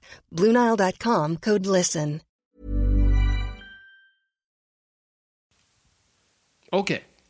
Så det finns lite, eftersom jag inte läst serierna utan det här är ren research så kan jag bara gå igenom så här the basics. Men, men i serietidningarna så utvecklar man betydligt mer vad det var för någonting. Så där hade du då till exempel, eh, det är ju en, en art som heter Yachua, tror jag. Yach- Yachua? Prosit. Prosit. Som kommer från en planet som heter Yachua Prime. Prosit igen. Ja, eh, och det är, det, är liksom, det är en art med, med ett eh, system och eh, så hierarkiska strukturer och, och, och allt sånt där. Och det finns olika, eh, framförallt är det väl olika sorts predators, olika slags, vad ska man säga, ranker. Så first bloods tror jag det heter, eller young bloods och sen finns det så här, på, så elders och det går hela vägen upp. Och det är, det är tydligen sådana här young bloods vi ser i filmerna, sådana här som ska få sina första kills. Och sen har de också in att för, för att bli en äldre, eller bli i alla fall en sån här högsta posten, så måste du döda tre eh, mother aliens. Aha. Ja, just det. Så de la in... Så Det aliens finns spel... jävligt många med andra ord. Många aliens. Ja, det är tydligen. Alltså Xenomorphs, som jag har förstått utspelar, alltså, spelar en väldigt stor roll i Predator-universumet. Ah. Eh, Men inte så mycket mer än troféer. så att där har man lekt väldigt mycket med det. Så där, hur som helst, så där har de utvecklat jättemycket hur de, varför de gör som de gör, varför de kommit till jorden och hur, och hur länge de har kommit hit. Och, ja, och hur de har jobbat i Hur, universum hur sätt. pratar de med varandra? Alltså, som jag har sett det så är det verkligen så här pratbubblor då man ser deras slags Mm. dialog. Så de, de, kom, de på något vis konvers, konverserar med varandra. Okej. För de ryter ju väldigt mycket annars i filmerna. Ja, det är annars bara... Jag vet inte.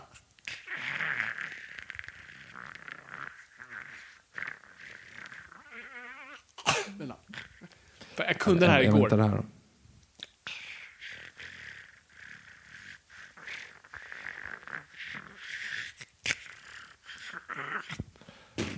Skit. Nästan. Ja, jag fick det. Okej. Ehm, nej, men så, så jag är riktigt taggad nu på faktiskt så här, djupdyka ner i serier. Jag älskar när serietidningar kan ta över, för att jag tror inte filmerna hade kunnat göra det här på sätt som serier faktiskt kan. Där, du, där serietidningar är byggt för att gräva djup i universum och bara kunna utveckla och, och, och verkligen sprida ut det och, och bara se olika delar av någonting. Och det är verkligen perfekt för det.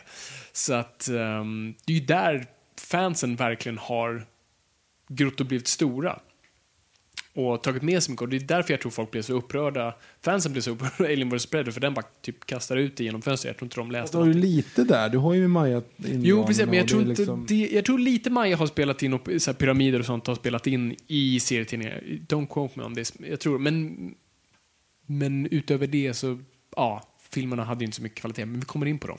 Ja. Men vi har ju, ja just det, nej det är sant. Nu är det den. Nu är det dem. Jag tänker alltid att Predators kommer före. Nej, nej, det nu är det den.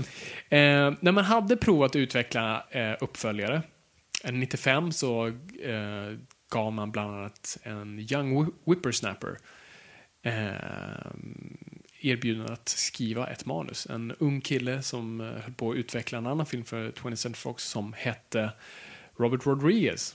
Aha. Och han skrev ett manus som handlar om ja, men, det- massa elitsoldater blir tagna till en planet eh, där då eh, Predators tar ut dem istället för ner på jorden. Men 27 Fox bara, nej, den, nej, dum idé, kasta det, så, gå och gör någonting annat. eh, och eftersom serietidningarna var ganska st- stora och Alien vs. Predator-konceptet var ganska stort så ville man leka mer med det. Och man flörtade med idén väldigt länge, men sen kom eh, Jim Cameron och eh, Ridley Scott funderade på att samarbeta på en till Alien-uppföljare. Men Ridley Scott ville gå och gräva i det förflutna och se var Alien kom, kom ifrån och det ville inte riktigt Jim Cameron så att det, det skrotades. Det kom ju mycket. Uppmärksamma att du, Mm. nu sa du Jim Ja, Cameron och du sa precis innan att ingen skulle någonsin förkortas. jag sa John och Ja. James. Ja, okej. Mm. I'm watching you. Han kallas för Jim Cameron. Ja, jo, men han kan väl kallas för Among John his Cameron friends. också. Friend, nej, nej, Ja, nej. I'm watching nej. you. Uh, Okej, sorry. James Cameron. Ja. Eh, ja, så det, så det föll ihop. Så då, och studion sa typ till James Cameron att ah, men vi funderar på att göra den här Alien vs Predator. Vad tror du om det? Och då, han sa nej, glöm det. Jag drar härifrån. Så studion var bara väldigt mån om att så här, vi vill göra en Monster Mash. Och eh, det var det man bestämde sig för. Utan egentligen ha någon respekt för originalmaterialet. Man tog in W.S. Anderson. Eh, och så blev det eh, första Alien vs Predator. Så kom Ja. den här 2001, 2002. ja, där någonstans. Och jag, kommer, ja, det var, jag såg den på VHS då. Den kom och det var mer så här.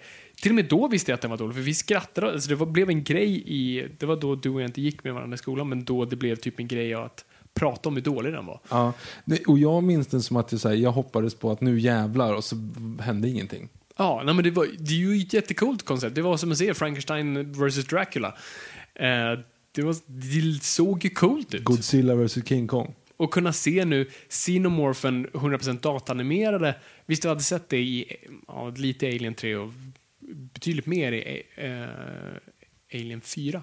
Men, eh, eller Resurrection. Men eh, här kunde vi se dem så här, wow, och det är en eh, Queen Alien och jag sa Mother Alien förut, jag menar Queen Alien. Alltså tre Queen Alien heads. Men eh, ja, så det är den filmen. Så vad handlar den om? Det handlar om att de har hittat via satellit, värmesatellit aktivitet under Arktis. Precis. Vad som ser ut att vara en pyramid. Precis. Så- Wayland Corp finansierade. Du slår Fabian sitt huvud i Och micken. du har ju då såklart eh, po, Du slår Fabian sitt huvud i micken igen. bu, du har Ash i roboten i första filmen och du har brr, det är på B för alla har ju varit ABC. Eh, alla robotar är ganska coolt. Förutom Jo. nu i senaste Dave Och- igen. Du hade Dave och sen, ha- sen hette han typ mm, Zangar. Nej, men han hette någonting fel. Och, får Eh, och det är därför den filmen suger. Ehm, så han hette, jag vill säga så här, B- Bubba. Vad heter han? Baba Gump. Jag hör hur ni skriker i era mikrofoner. Bill. Han heter Bill nu. Nej, han är, jag, vill, jag, vill säga Pope, men det är på P. Han heter... Men vad Bope. heter han? Bope? Han får heta Bope. Vi spelar in sent. Jag, tror Han, att jag han, he, han heter säkert något. Bishop! Yes. Bope. Bishop heter Det var roboten. jättekul att se att du ville till Bishop och sa Pope. Alltså det, det är rätt, Fan vad sjukt! ja, rätt båthus men inte ens i närheten. liksom. Med fel skärgård. Ja. Eh, ja, Jättebra uttryck. det ska man komma ihåg. Rätt båthus men fel själv. Ja, Bishop i alla fall. Shit. Ja, nu, nu jag tog det konceptet för långt när du kommer ut med dina så här havskräpsburar. Liksom. Ja, nu ska vi... Ja, över västkusten. Och bara, fan, jag är ju, är ju, jag är ju fel. Det är Höga Kusten-bron. Här finns inga havskräftor. Ja, som, som vi har sagt, vi ska inte spela in på vi ska hitta sill. Nej, det heter, det heter strömming här. Nu har, du, nu har du tappat mig. Silly. Åh. Ja, bra. Så, vi Mm. avslutar på den. Kul att ha lyssnat. Tack för att ni lyssnat. Bishop, han som spelade Bishop, spelar ju då Wayland som är sjuk och gammal och håller på att dö. Men det retconar de ju sen. Ja, de rättade helt. Det här, är, det här är inte canon. Nej. Det här kastar man Eh, bort. ungefär lika bra som, som eh, tv-spelet Terminator 3. Mm. För de har ju klippt bort en scen i Terminator 3 där Arnold har Ja, värsta så här, vet, sydstatsdialekten. I'm. Colonel murder. För att de har baserat Ja, och första modellen på Terminator honom. och så förklarar de då som en så här, informationsvideo för Skynet då. Så Mm. att, eh, det här är ansiktet i, för framtiden så här, och då att det är han som är det. Mm. Eh, och så kommer du ihåg hur det slutar? Ja, att en person i rummet som de har presenterat här säger We need another voice. Nej, nej, nej. nej, Eller nej, nej, så där. här, I love this, I love his looks, but we need, uh, we need another accent. Och det är någon kontrollant som har vänder sig och säger we can fix I it. can fix it. Just det, så är det. det tänkte de ha med i filmen. Alltså den är inspelad för filmen. Ja, jag vet. Men tog, tog, tog de det till tv-spelet? Alltså? Ja, den inleder tv-spelet. Inleder det Ja, tv-spelet? Herregud. Ja, skitsamma. Nej, men så då, då, jag har för mig att det är Wayland. I alla fall någon koppling till Wayland. Jo, men det är nog Wayland som då... Ja, det är som Wayland säger, Corp. Som har Ja. finansier, finansierar den här Ja. expeditionen med massa folk som ska ner då i den här pyramiden och... Ja, Och där finns det shit aliens. goes down. Ja, där finns en massa aliens. Och så kommer predators. Så, det var så jävla tråkiga miljöer. Alltså så här, för, för det första, om man ska bara throw it out there. Mm. Eh, första filmen, Alien, den är ju liksom, den är tight, klaustrofobiskt, alla känns som det, det känns som det är verkliga människor. De pratar, som vi pratat om där hundra gånger på den tidigare, de pratar inte om stora värdebyggande utan de pratar om att facket är jävligt Mm. svinigt mot dem. De pratar liksom om vardagliga saker. Det, det är liksom ett sätt man inte gör film längre. Typ Tarantino gör det, men well, turn up to eleven. Alltså pratar om irrelevanta grejer för att Ja. få karaktär. Du pratar, det är liksom inte så här, du behöver inte bygga någonting större. Det är inte så att, oh, this flower, if you touch it you get paralyzed. Alltså, okay, och då säger Mm. alla så okej det där kommer komma upp igen. Utan det är bara så här nonsensgrejer som Mm. bygger karaktär. Det är väldigt liksom, det är väldigt klaustrofobiskt, det är väldigt långsamt och det är total skräck. Första Predator är utomhus hela filmen. Du pratar om att det är klaustrofobiskt men det är fortfarande styra, stora ytor. Ja. Eh, alla människor är pastischer. Alltså alla är stora muskelberg som liksom, Mm. det är ingen, det hade varit som metoo direkt på att om någon av dem ens existerade i verkligheten. eh, så att det är liksom, de finns inte, de, de, är, de, de är overkliga. Liksom. Ja, ja. Eh, och det är stora explosioner. I första Alien finns det inte ens vapen. Första Alien innehåller inga vapen. Det är den här eldkastaren Mm. Liksom, som de har bara på. För att de är ett fright ship. Det är klart att de inte har vapen. Liksom. Och i, i Predator så har de så mycket vapen så att det nästan är liksom obehagligt. eh, och de här två filmerna möts. Mm. Vilket för det första är ganska intressant. För det är två stycken, det är ju samma genre. Det är monster, alien-monster. Liksom.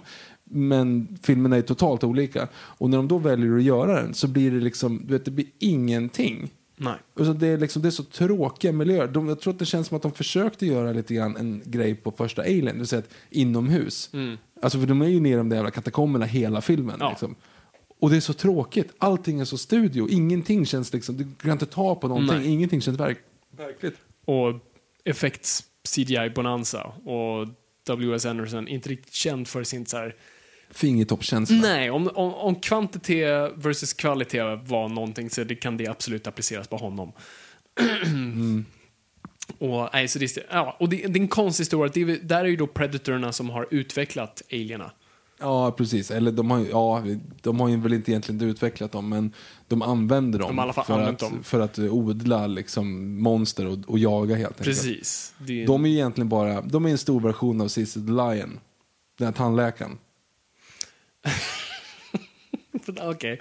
Ja, mm, fortsätt. Ja men du vet, alltså han tandläkaren som Ja, sköt Cecil precis. Lion. Ja. De åker ner så här, ja jag vill döda det största som finns. Och så åker han ner och så skjuter han Mm. Cecil Lion. De här är ju samma sak. Ja. ja, men det är ju lite kul, för det är väl så det är här, att, eh, att de åker ner för att döda lite aliens. Ja. För, for sport, Kill typ. for sport. Exakt. Och det är ju det det är, det är bara en stor jävla blo, grönt blod-bonanza Mm. av alla dess slag. Och sen kommer vi till eh, den sensmoralen av storyn, vilket är The enemy of my enemy is my friend.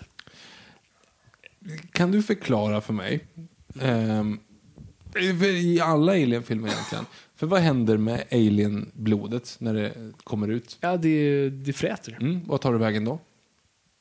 Ja, tills det, jag antar att det avdunstar lite, medan det, det ryker mycket. Så jag tänker att det, det blir väl mindre med det. Jag vet inte. Det är för att, jag tänkte på det, om det är i, på ett skepp till exempel, Mm. det är ju direkt förödande att ha en droppe alienblod. Ja, ja, för det går, går rätt ut genom golvet och ner ut i rymden. Yes. Första alien har, ja, har ju det. det Ja. händer, eller inte att det händer, men att det fräter genom skeppet. Men vi ser inga konsekvenser. Mm. Nej, precis. Att det borde ju bara... Och så bara blir det ett vakuum av alltihop, alla dör. Yes. Och samma sak här. Det borde ju vara så här, vart, vart tar det vägen? Vart, om det är på... Det Ingen är aning. jättemycket blod ju. Men de är ju också väldigt diffusa med hur det där blodet funkar. För det är någon gång han använder sina så här, armknivar och så gör en ganska snygg så här, Mm. Ja. vet, och så blir alien stilla och så bara Och så faller glider huvudet av. Ja. Men eh, då är hans klor helt okej. ja, så det är väl lite varannan gång sådär. Precis. Och sen använder han ju typ ett av facehugger-fingrarna för att rista in i sin Ja, hjälm. Och precis. det gör han ju även på henne då, Ja. Vår Ripley, i den här filmen. Citationstecken. Ja, precis. Och de hjälper ju varandra. Äh, Det är, ja, men det är en skitfilm. Alltså det, är, det är en film som inte har någon kärlek för... Jag tror säkert att W.S. Anderson älskade de filmerna. Han är ju uppenbart ett fan. Men han var mer intresserad av att så här, du vet, komma till dagis. Kolla, jag har den här leksaken. Åh, har du? Jag har den här. Ska vi slåss? Ja. Och så bara slog man ihop dem så här hårt. Mm. Ja. Precis. Och det är det det är. Det är man tar med leksaker till sandlådan och slåss med dem. Alltså Mm. det, är, det är det den här filmen är. Det, den, den är inte intresserad av att... Eller den är ju det, men det gör det på ett dåligt sätt. Den är ju intresserad av att ah, det här finns en koppling till Alien med Wayland och det kanske är så här, ja, så det är så här de upptäcker Alien-grejen och det är så, ja, så att det här det är så för att i första Alien så är det ju, är, visar det sig att de faktiskt är medvetna, typ skickade dit och de ska ta med sig en sån där. Uh, blablabla. Och att Predators har en större koppling. Så den försöker ju någonstans, men det bara faller ihop och det, det, det funkar inte i kontexten av allt annat. Är det en skitfilm? ja. Men den är fortfarande inte lika skitfilm som nästa. Nej, precis. Det var ju inte som att de räddade franchisen med tvåan, som du och jag gick och såg på bio. Ja, jag skäms lite grann för det idag. De, de följde ju upp på vad som lovades i slutet, för slutbilden, spoilers, är ju att uh, Predatorn tas med på skeppet tillbaka, eh, om den är avsvimmad då, eller sår. Och, för det var ju en hint om att en facehugger gav sig på, på honom. Och så får vi se då en uh, chestburster med Predator-betar. Precis. En Predalien. Precis, det var det det blev i uppföljaren. Och, det, vet jag. och den är ju med, alltså det kan uppskatta med den på ett plan, okej. Är att den vet exakt vad den är för någonting. Fast den gör ju inte Din monsterbonanza, den släpper ju helt på att försöka leka med så här, canon och det är tonårsdrama i en småstad där ett alienskepp har landat. Och så börjar det bara, det går det ju bara haywire. det. Men den är lite grann, den är, det är som en hyllning till första Predator ju. För att det är en helt annan film. Första halvan. Det är American Pie Bandcamp. Och sen så kommer det en massa aliens. Ja, nej, det är sant. Och mycket sex och naket helt plötsligt. Ja. Och jättemycket blod. Och visst, jag ska erkänna att Predalien-designen är en aning cool. Nej men för att det är Stan Winston. Jag tror inte Sam Winston Nähä. designade Okej, men han har ju fortfarande designat Ja, den ja precis. Det är en cool mix av det. Men sen, och, det, och det är så här, jag kan gilla onödigt mycket våld, men jag tycker den här filmen är väldigt smaklös. För det finns en specifik scen med en gravid kvinna som är så här, Ja, där, bara, ja. du går inte dit. Det är bara så här, nej, glöm det. Ja, nej, det, ja, den är smaklös på många sätt. Nej, hela jag filmen. tycker, det finns ingenting att prata om i den filmen. Jag tycker, nej, jag tycker det är bara en riktigt tråkig film framför allt. Ja, man sitter ju totalt uttråkad. Framförallt när de, alltså sen när de ska slåss. För jag kommer ihåg att jag hade eh, jag kollade i den här bioklubben-tidningen, Ja. bi- filmtidningen. vad heter? Han hette typ. Bioklubben, tror jag. Ja. Eh, och då så när man kollade den så kom jag att, att det var promotionbilderna när Predalien och en Predator står och slåss på Mm. hustaket i regnet där. Och den står ju i någon pose och ser ascool ut verkligen. Ja. Som att det var liksom den jag hade i bilden. Men den är så, den är så här MTV-klippt så att man Ja. ser inte ett skit av vad som händer. Nej, ändå. och den är så jävla mörkt fotad. Ja. Du såg aldrig någonting. Mm. Vad det jag gjorde. Nej, värdelös. Värdelös film. Ni behöver inte ens se den. Alien vs Predator Requiem. Heter den. Requiem. Requiem. Bla, bla, bla. Prosit. Men, några år senare så bestämde sig Fox igen för att säga, ah, vi kanske borde reboota det här, det här gick ju inte så himla bra. Folk, och fansen är ganska Alltså vadå arga. rebootad? Den, den är ju mitt i canon ju. Käften. Eh, vadå mitt i canon? Alltså, eh, Predators. Predators är mitt... Den är jättekanon. jo, jo, jag vet. Men alltså reboota från liksom... Jaha, jag menar så. okej. de var ja. nog inte intresserade av att vara kanon eller hur det nu än var. Men så de då, de rotade i skafferiet i stort sett och hittade Rodriguez gamla manus från 2005. Och ringde upp honom och sa du, Var det 95? vad sa jag? 2005? Jag menar 95. Ja. Tack. och de hittade det och ringde honom och sa du, vi hittade det här manus, vi tycker det faktiskt är rätt bra nu. Kan vi inte göra det? Och Rodriguez sa, grymt, men jag har lite för mycket på min, min tallrik så att Jag håller på att göra, är det då du gör Grindhouse-serien? eh, det kan nog matcha ganska bra tror jag. 2010, ja. Det är Kanske det väl. tidigare. Han kanske gör det tidigare. Det är, ja, det kanske är 08 fan de kommer. Mm. Nej, det, ja, nej, det är fan ännu mer tillbaka. Det, ja, det är typ 06, 07 någonstans. Då skiter vi här. Skitsamma. Han har ju jättemycket. Han gjorde säkert Spy Kids eh, 57. Eh, Med Sylvester Stallone som The Toymaker. mhm. Har Eh, aldrig sett dem spela över så mycket någonsin. Alltså, och Tommy Wiseau inkluderat. Som han Mm. och gör. Alan Cumming i första Spy Kids. Ja, just det. Ja, fast, nej, fast inte ens i samma båthus. Nej. Ah, Ah. som, eh, i, som Sylvester Stallone som The Toymaker. Yes. Eh, så han gjorde väl några av dem. Men så att han gav det till ett par andra, eh, liksom hans stall av manusförfattare och regissör. Mm. Nu kommer jag inte ihåg vad han, regissören hette och vad han hade, han, det var någon, vad fan hade han gjort tidigare? Vi pratade om det innan vi spelade in. Jag, jag kommer inte ihåg. Det var ju någon film som sa, aha, var det det här han hade gjort? Ja, skitsamma. Ni kan i Ja, men IMDB. Terror on Elm Street 6 då? Jag vi kan inte. googla utan podden, jag menar tvärtom. Vi kan podda vi kan nog googla utan podden också. Mm, det kan vi absolut göra. Jag är ju oftast det. Ja, ofta faktiskt. Ja. Mm. Flesta gånger jag googlar så har jag inte podden. Hur som helst, så det, är base- Ja. det är baserat på... Får jag... Ursäkta mig, jag har lite grisar i halsen. ja, så det är baserat på Rodriguez manus, men det är andra personer som tar över det, men Rodriguez stannar som producent. Och här har vi ju storyn i stort sett, ja, den storyn då Predatorerna tar människor till... Jag tror inte det är deras planet. Nej, en planet. Det är inte den här Alltså, som Prime. Nej, nej, men det är som, en, som ett akvarium typ. Alltså de har odlat Ja. upp liksom en... en Gladiatorarena. Ja, precis. Och sen så ska de slåss där. För det finns ju några grejer som de hittar från jorden. För eh, Tom Hardys lillebrorsa där eh, känner ju igen en, eh, en eh, blomma. Mm. Och säger att Ej, den där är jättefarlig. Den där kan man bli paralyserad av. Mm. Det kommer troligen aldrig behövas göras igen i den här filmen. Nej, absolut inte. Då vet du, jag har lärt mig något nytt. Mm. ja, men så det är det filmen är. Alltså, eh, det kommer dit de farligaste människorna på jorden och så börjar de tas ut en... farligast, och då skulle jag tänka så här, de fräckaste skådisarna, det, skulle liksom, det, ska vara, det här ska vara eh, Bizarro-versionen ska inte vara, utan det ska vara stjärnsystern till, eh, till eh, Apollo Creed, till Terminator, till eh, ja, guvernören i, vad är han, Minnesota.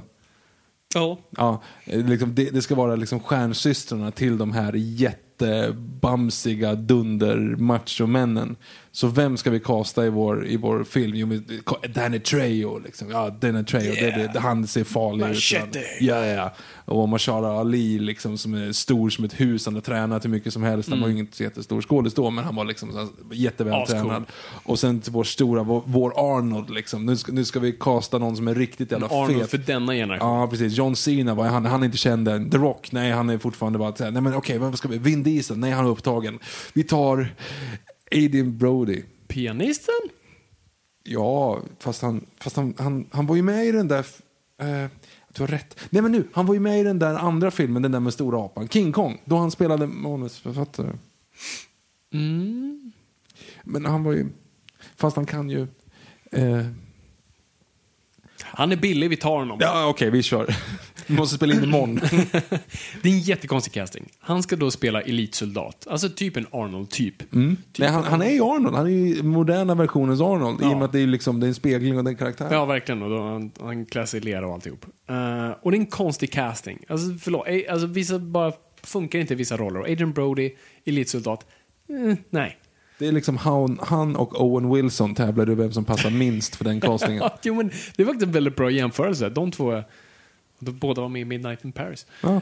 Ehm, och, eh, alltså, det är en konstig casting. En annan konstig casting, tillbaks till eh, eh, mm, eh, chefrummet på 20th Century Fox. Okej Mm. allihopa, ja, men vi har vår actionstjärna. Vi har sagt åt honom att ja, vi har skickat honom massa mat och en personlig tränare, så vi hoppas att pianisten kommer kunna bulka upp sig lite. Men vi behöver en person som kan spela en eremit. En person som har varit på det här stället väldigt länge, bara levt i typ tio år. Bara på ben och gräs och inget. Och du vet, the thousand yard stare. Bara se ut att ha levt skit hur länge som helst. Tänk Christian Bale i Maskinisten. Ja, exakt. Bara någon som så här, och det så här, mycket skägg och har stått där så här.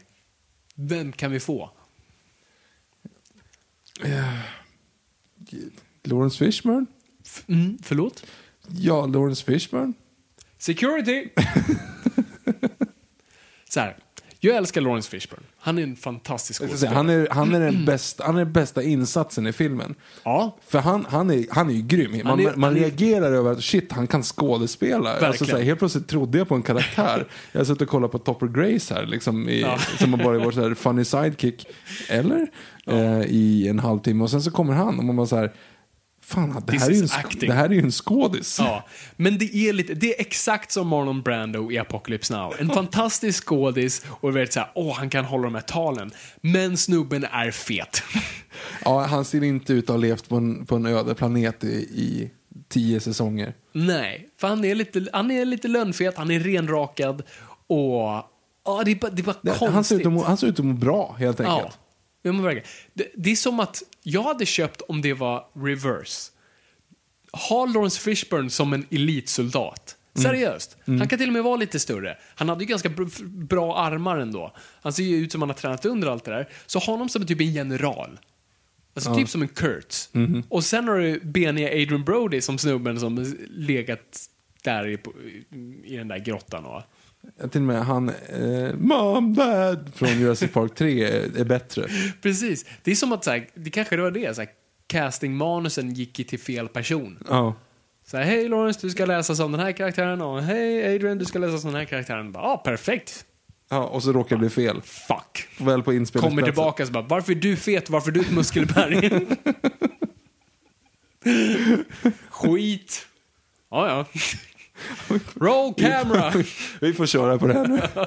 det, är en konst, alltså, det är mycket konstig casting i den här. Ja, men, nej, men, Lawrence, eh, men Lawrence Fishburnes tal, alltså det som, som Marlon Brando inte klarade av i Apocalypse Now, är ju grymt ska jag säga. Mm. Ja, ja. Nej, absolut. Han gör en jättebra prestation. Mm. Och det, jag tycker det är, ett roligt kon koncept. Ett intressant koncept. Men nu när du säger det, han säger att han har varit där i tio säsonger. En ny Typ- säsong startar ju visserligen.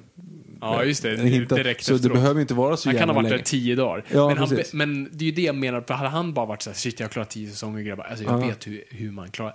Men han, han är ju galen. Han har en låtsaskompis. Jo men har han det då? Det har han ju. Ja men har han det då? Jag menar med tanke på hur liksom den scenen Så utspelar du sig tänker sen. att en person säger, okej, jag, mitt motiv är att mörda människor som kommer hit för att så här, ta deras grejer. Vad är bästa sättet att lura in dem? Ett, var trevlig, välkomnande, ge dem mat, sitt där och var trevlig. Få dem att känna sig trygga och sätta och inte vilja dra därifrån. Alternativ nummer två, spela spritt språngande galen, gör dem enormt obekväma, bjud dem på mat de inte riktigt kan se och gå och lägg dig weird tidigt. alltså, Ja, äh, poäng.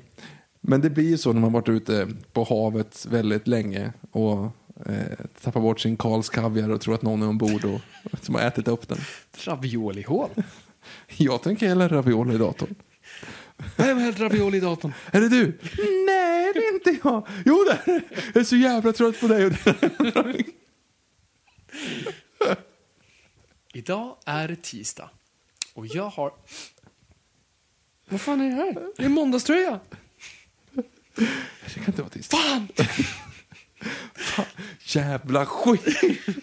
Och så, jättenära kameran. Jätte, jättenära kameran. Det är så här att eh, nu såg ni att jag hade en... det är så att klockan har ändrats. Det, så klockan tror att det är en annan dag. Det är inte jag. Det är inte jag, det är datorn. Klockan på datorn som har ändrats. Så jag trodde i tron om att det var måndag. Jag är inte galen. Jättebra. Det här var på vår resa till Kreta 2007. Nej, det var, det var spermaharens eh, sketchgrej. Ensamseglaren. Ensamseglaren. En av de mest, jag tror allt ligger, finns allt på YouTube. Ja, allt finns på YouTube. Bara, YouTubea ensamseglaren. Ni kommer tacka oss. Ja, Se dem i ordning. ja du, må, du måste se med ordning, annars makes no sense. Men man kan skippa sista sju, är så här, mm, för då, de hoppade över hajen så att säga. Ja, precis. Mm. Så, ja, gud, jag vill gå hem och bara kolla på det nu. Det är Mm. så briljant. Ja, skitsamma. Ehm, ja, okej, så nu, Vart var vi? vi var vid castingen och vi är ganska klara med det. Men eh, jag tycker det är ett bra koncept.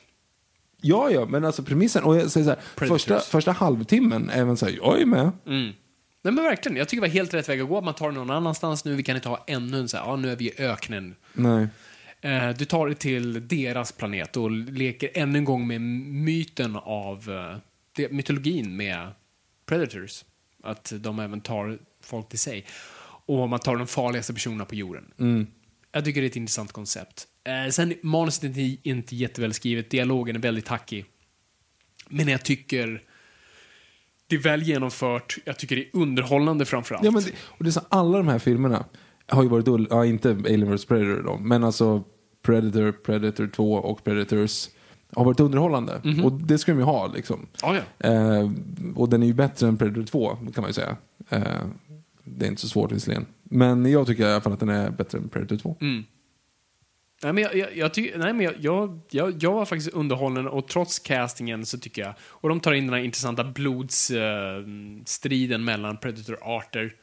Som de inte ger sig jättemycket till. De, de, det är någonting konstigt dock i den. Eh, alltså, och det är ju de här, nu är det lite spoilers, men, men om man lägger in här att eh, han, han med 70-talsfrisyren och de utsvängda byxorna är liksom, han är rolig och sen så blir han. She all get a little mad, eh, we all get a little mad sometimes-scenen. It puts the lotion on its skin. Or else it gets the hose again. Precis den. Mm. Eh, eh, ja. Den scenen är så här, oj, jaha, okej, nu kommer vi utveckla det här och han är död. Alltså det var så här, det hände ingenting. Det var verkligen, Mm. han, han, det, vi har en jättekaraktärsutveckling på en av karaktärerna. Och en och en halv minut senare så dör han. Alltså, är så här, jaha, så varför, varför skulle vi ha den här utvecklingen? Mm. Varför, varför skulle vi göra en plott som inte ledde någonstans, en twist som inte ledde någonstans? Ah, ja, skitsamma. Och sen så lite längre fram så, så kommer eh, eh, pianisten där och skär ner eh, han från Polen Mm. och bara så här, hej, jag är din kompis. Och han från Enemy Polen, of my enemies, my friend. ja, och Polen säger och sen så hjälper han honom och de är kompisar i en och en halv minut han förstod dör. att han ville till jorden av någon anledning. Fast han måste ju veta vad det är för någonting. Det är ju så det, han ser ju vad en, vad en människa är. Ja, men... Ja, men då, om du skulle se en zebra och säga jag vet att den hör hemma i Afrika.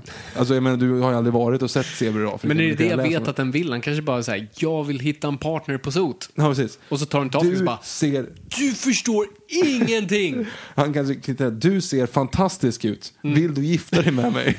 och han och så, här, jorden? bara, Nej! och så, nej men, eh, nej men i alla fall, det, det är också en sån scen som också inte leder någonstans. Det är bara så här, okej nu händer någonting, åh det händer ingenting. Nej, Jag vet, alltså sista akten är, eh, de, de, de hoppade, Ja, de surfade på glaciären. ja exakt. Eh, så ja, bortsett från det, så det är, inte en, det är inte en höjdare, den gör inte jättemycket för franchisen, den gör lite. Men jag tycker det var en, en kul, ett kul Ja, ja. koncept. Jag hade ju hellre sett den än att inte se den i alla fall. Mm. Men det är det här jag tycker är så intressant med, med franchisen. För jag undrar om det är det som saknas. Eller om det är det som är styrkan.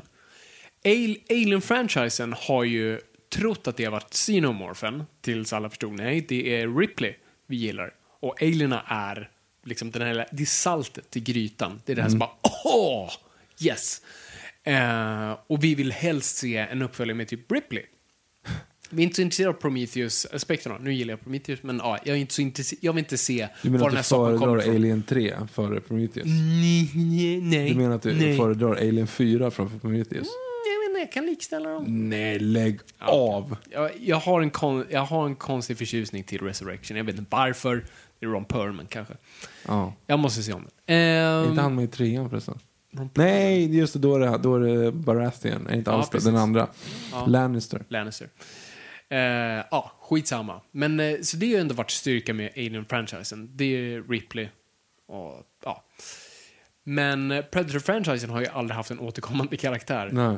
Eh, och är det en positiv grej eller en negativ grej? För det är ju det som jag, tänker, jag kan tänka mig att de så här, skriver in sig lite i törn. För jag vill ju inte se en uppföljare med Adrian Brody Nej. efter Predators. Eh, och jag visste inte heller vad jag ville se nästa. Ska vi tillbaka till jorden då? Men vad, hur utspelar det sig här? Ska vi ännu mer ut i rymden? Vad är vi på, vad Nej, är vi på väg, Karin? På semester, älskling. Men skatt, det ska de ha. Mm. Miljoner arbetslösa.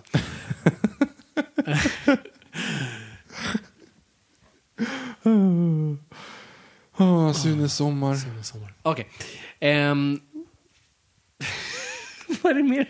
Jag vet inte, jag tyckte det, det var så fantastiskt bra Ja. scen. Jättebra scen. Just, just att han blir så sur för att, för att tåget inte kommer. så att han börjar ranta om, om, om skatt och arbetslöshet. Det är fantastiskt. Ja, det är jättebra. Min far gör exakt likadant och jag, I know the feeling. Ehm, ja, nej men så, så jag undrar vad som är styrkan med den här franchisen. Till skillnad från Alien, för de är ju lika fast ändå inte, som sagt. De är jätteolika. Eh, det, det är samma båthus men olika skärgårdar. Mm. Ehm, för det är ju fortfarande, alien-ras kommer ner och mördar människor. Alltså det är lite Ja. den aspekten, sen är helt olika här, hur de utnyttjar genren. Så jag undrar bara, är det, behöver vi en Arnold-karaktär som vi följer? Hade vi velat se Nej. eh, Dutch i resterande filmer? Eh, se hur han utvecklas? Nej, jag tror inte det. Eh, så vad är det vi behöver mer av? För det, jag ty- tycker, det här är det som jag tycker är så här, mm, det här är grundpelaren till hela Predator-franchisen. Det är lite det jag pratar med Bond. Bond är ju fascinerad för vi vet så lite om honom. Och vi, ibland får vi så här, oh, ah, det där, han nämnde Mm. sin fru, eller oh, där, ah, vi får reda på lite på hans föräldrar, oh, det där. Men jag vill inte se honom gå i skolan. Nej. Och lite samma sak här med Pred. det gör de i serietidningarna. Young Bond. Ja, men de gör bokstavligen, jo, så här Bond Year One eller vad det nu heter. Och, de, och jag har sett så här framsidan där man ser honom på skolan, jag tänker bara, jag tänker inte röra det där, jag tänker inte peta på det där. Vilket, vilket år är det? Ja, men han är barn. Jo, men är, är han barn på 30-talet? Ja, jag tror för det. Att, Jag tror ja, för det. att vara canon mot Sean Connery. Jag tror det. Eller kan de med um, Fleming-böckerna. Nu har de ju släppt, och den har jag ju köpt, alltså prequeln till Casino Royale. Mest för jag är nyfiken, en officiell bok nu. Mm. Så jag, jag ska bara läsa och se, men jag kommer inte se det som canon. Men jag vill testa. Ehm, hur som helst, så det är det här jag tror är nyckeln till Predator. Att vi vet så lite, men vi får hela tiden små bitar. Och vi är så, oh, oh, vad, oh, shit, det där vapnet, vad betyder det? Eller, oh, okej, så det, det är en blodskrig eh, mellan arter. Oh, det där var inte... Att vi får bitar av det. Och det är det mysteriet jag gillar. Mm. Och jag tror, och det är här serietidningarna är så bra att de kan utnyttja det. Vad sitter du och flinar? Jag, jag, alltså, faktiskt, vet vad? Jag börjar, jag, jag börjar komma att tänka på det precis det du sa eh, tidigare, vilket är otroligt roligt faktiskt, som jag inte tänkte på. Så här, om det nu är så att Lawrence Fishburne inte har varit där så länge som vi tror, utan att, så där, hur hans taktik, hans taktik är väldigt, väldigt, väldigt dålig för hans ändamål. Och eftersom det finns ett mycket enklare, så här, hur, vad tror du? Gå in och vara snäll eller gå in och vara batshit crazy? Nej, det är sant. Jag tänkte inte på det. Ja, förlåt. Jag Mm. är, jag är glad att jag tillförde den Ja, tanken. Självrefererar i live i podden. Ja, shit. ja, nej, men jag tror det här är en av styrkorna till, till Predator. Uh, och, det- och som jag sa, jag tror det här serietidningen kan spela som en bra, bra roll. Det är där man kan utnyttja de bitarna av det. Men jag tror inte jag vill ha det i filmerna. Det är här medier inte korsar. Ehm, Nej, man kanske inte tittar rätt in i solen. Liksom. Jag vill inte i nästa Predator-film klippa till deras hemvärld, i alla fall under en längre tid. Vi kan se kanske lite små bilder, men inte under en längre period och följa liksom...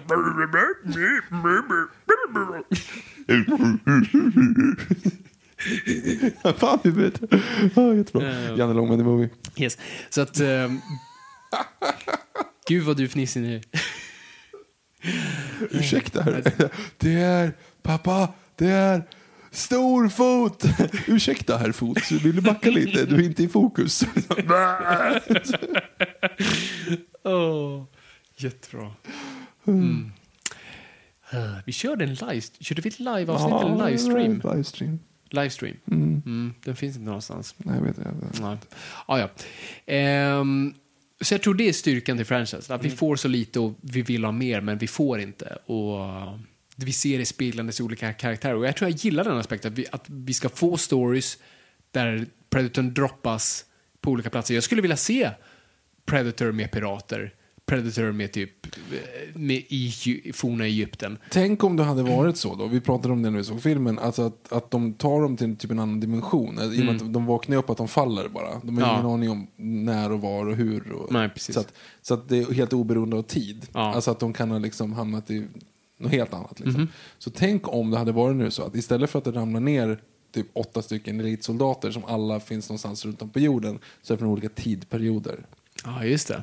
Så att du får en... Du får, Då har du ju en time travel-aspekt i det. Då öppnar du upp ett helt nytt... Ja, fast, ja precis. Ja, det visst är sant. Ja, men precis. Ja, då kan du göra. Och då kan du ju ha liksom Alexander den store, eh, Genghis Khan. Karl den nionde. Nej, han var inte så bra. Karl den tionde. Tåg till det stora bält. Det var ändå rätt duktigt. Gustav II Adolf. Nu var det två svenska kungar. Det hade, varit, då hade ju de gaddat ihop sig mot de andra. Ehm, Blir inte the enemy of my enemy is my friend då? Leonidas. Mhm. Mm. Perseus. Ja, Okej. Aceps. En massa Aceps. Men alla gjorde mig till åtlöjd. De gjorde det till en diskus. Ingen av dem kunde klara av det. Men sen var det Achilles. Han hade allt. Han, kunde, han tålde stryk. Han reste sig upp igen. Han kunde smocka till. Men den infernaliska hälen han hade. Direkt med en nudda med och pang. Han är historia. Och en gång hade jag en dröm. Och en tur. Mm. Ja, ja. Tack Viktor. Ehm, Predator, if you're listening, that's my Predators 2. så det vore i alla fall lite som en Bond-film. Som ett nytt uppdrag så drop, do, droppas en Predator i, ett, i en ny situation, men vi följer utifrån offrenas perspektiv. Ja, men vadå, som fredag den 13? Alla, filmer, alla sådana slasherfilmer är ju samma sak. Ja, men fan, bra, bra parallell. Det är sant. Jag, vill, jag, vill ha, jag tror jag vill ha en slasher-genre av det hela. Men kanske att precis som första filmen, vi dumpas i tonårsdrama. Eller vi dumpas i, i ja, jag vet inte vad. Och sen så blir det Predators och alltihop. Ja, exakt. Så, ja, i och för sig, vi satt och hyllade det för första filmen, verkligen slog skiten ur när det kom till Requiem. Nej men för Requiem gjorde det sämst. Ja, de gjorde det dåligt. Jag vill ha det på ett bra sätt. Ah, ja. Så det, tro, det är så jag tror jag vill ha det. Så, det kopplar oss till den nya filmen som vi inte har sett än. Vad vill vi se? För det här är så mycket. Jag var ju taggad på Predators. Nej, The Predator heter den här. För att det var en Shane Black-film. Vi, vi är Shane Black-fans. Eh, så jag ville bara se en ny Shane Black-film och se hur han, och framförallt att han var med den första, hur han skulle då tolka det. Men nu är jag taggad på en Predator-film. Och jag, det vore kul att se den här utifrån också bara hur de använder sig av det ger oss en liten bit extra. Det verkar som de har en ny aspekt på det, eller en till aspekt, de lägger till någonting. Eh, en ny slags Predator. Och, och sen vill jag ha en till film där ingen av karaktärerna är med längre. Ja. Det vill jag ha. ja. Det är väl bra. Har du några andra förväntningar på den nya filmen? Nej men egentligen inte alls. Alltså, jag såg ju trailern, alltså jag såg första teaser-trailern bara. Eh, då insåg jag säga, okej jag behöver inte titta på så mycket mer för den avslöjar en del liksom. Eh, nej, alltså jag tycker att det är intressant att se och som de säger, det är kul att se Kiss Kiss Bang Bang Goes Alien liksom. Mm. Nej, jag, jag, jag, jag håller med. Så Så vi, vi får gå och se filmen helt enkelt och hoppas på det bästa. Hör av er vad ni tror och tycker och tänker. Ja. Har ni tips på några serietidningar och ni säger Fabian, du måste läsa det här. Hör av er. Jag vet att det går att köpa Batman uh, vs Predator-serien, så den kan ni nog gå och köpa själva. Så att det, går, det är väl bara att googla upp någonstans, kolla om Comics även har den såklart. Stöd ju dem. Eh, så det är väl det tror jag. Mm. Vi ses på Comic Con. Det gör vi. Eh, vi finns på sociala medier annars. Vi finns på atnoipod, atengbergviktor, at Mr Nordlander. Eh, det här är Instagram och sen finns vi på Twitter. Under bara hashtag, hashtag Nojpod hittar ni oss. Yes. Så, något mer? Nej, Nej, jag tror vi bommar igen där. Tack så jättemycket för att ni har lyssnat. Det är kul att ha lyssnat, men kom ihåg folk, ingenting är för nördigt.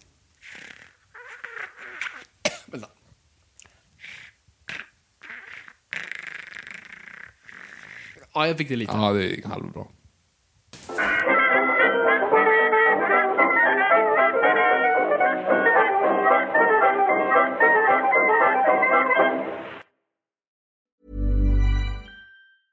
Hey Hey, it's Paige DeSorbo from Giggly Squad. High quality fashion without the price tag. Say hello to Quince. I'm snagging high-end essentials like cozy cashmere sweaters, sleek leather jackets, fine jewelry, and so much more. With Quince being 50 to 80% less than similar brands. And they partner with factories that prioritize safe, ethical, and responsible manufacturing. I love that. Luxury quality within reach. Go to quince.com slash style to get free shipping and 365 day returns on your next order. Quince.com slash style. Mom deserves the best, and there's no better place to shop for Mother's Day than Whole Foods Market. They're your destination for unbeatable savings, from premium gifts to show-stopping flowers and irresistible desserts. Start by saving 33% with Prime on all body care and candles. Then get a 15-stem bunch of tulips for just $9.99 each with Prime. Round out Mom's menu with festive rosé, irresistible berry chantilly cake, and more special treats. Come celebrate Mother's Day at Whole Foods Market.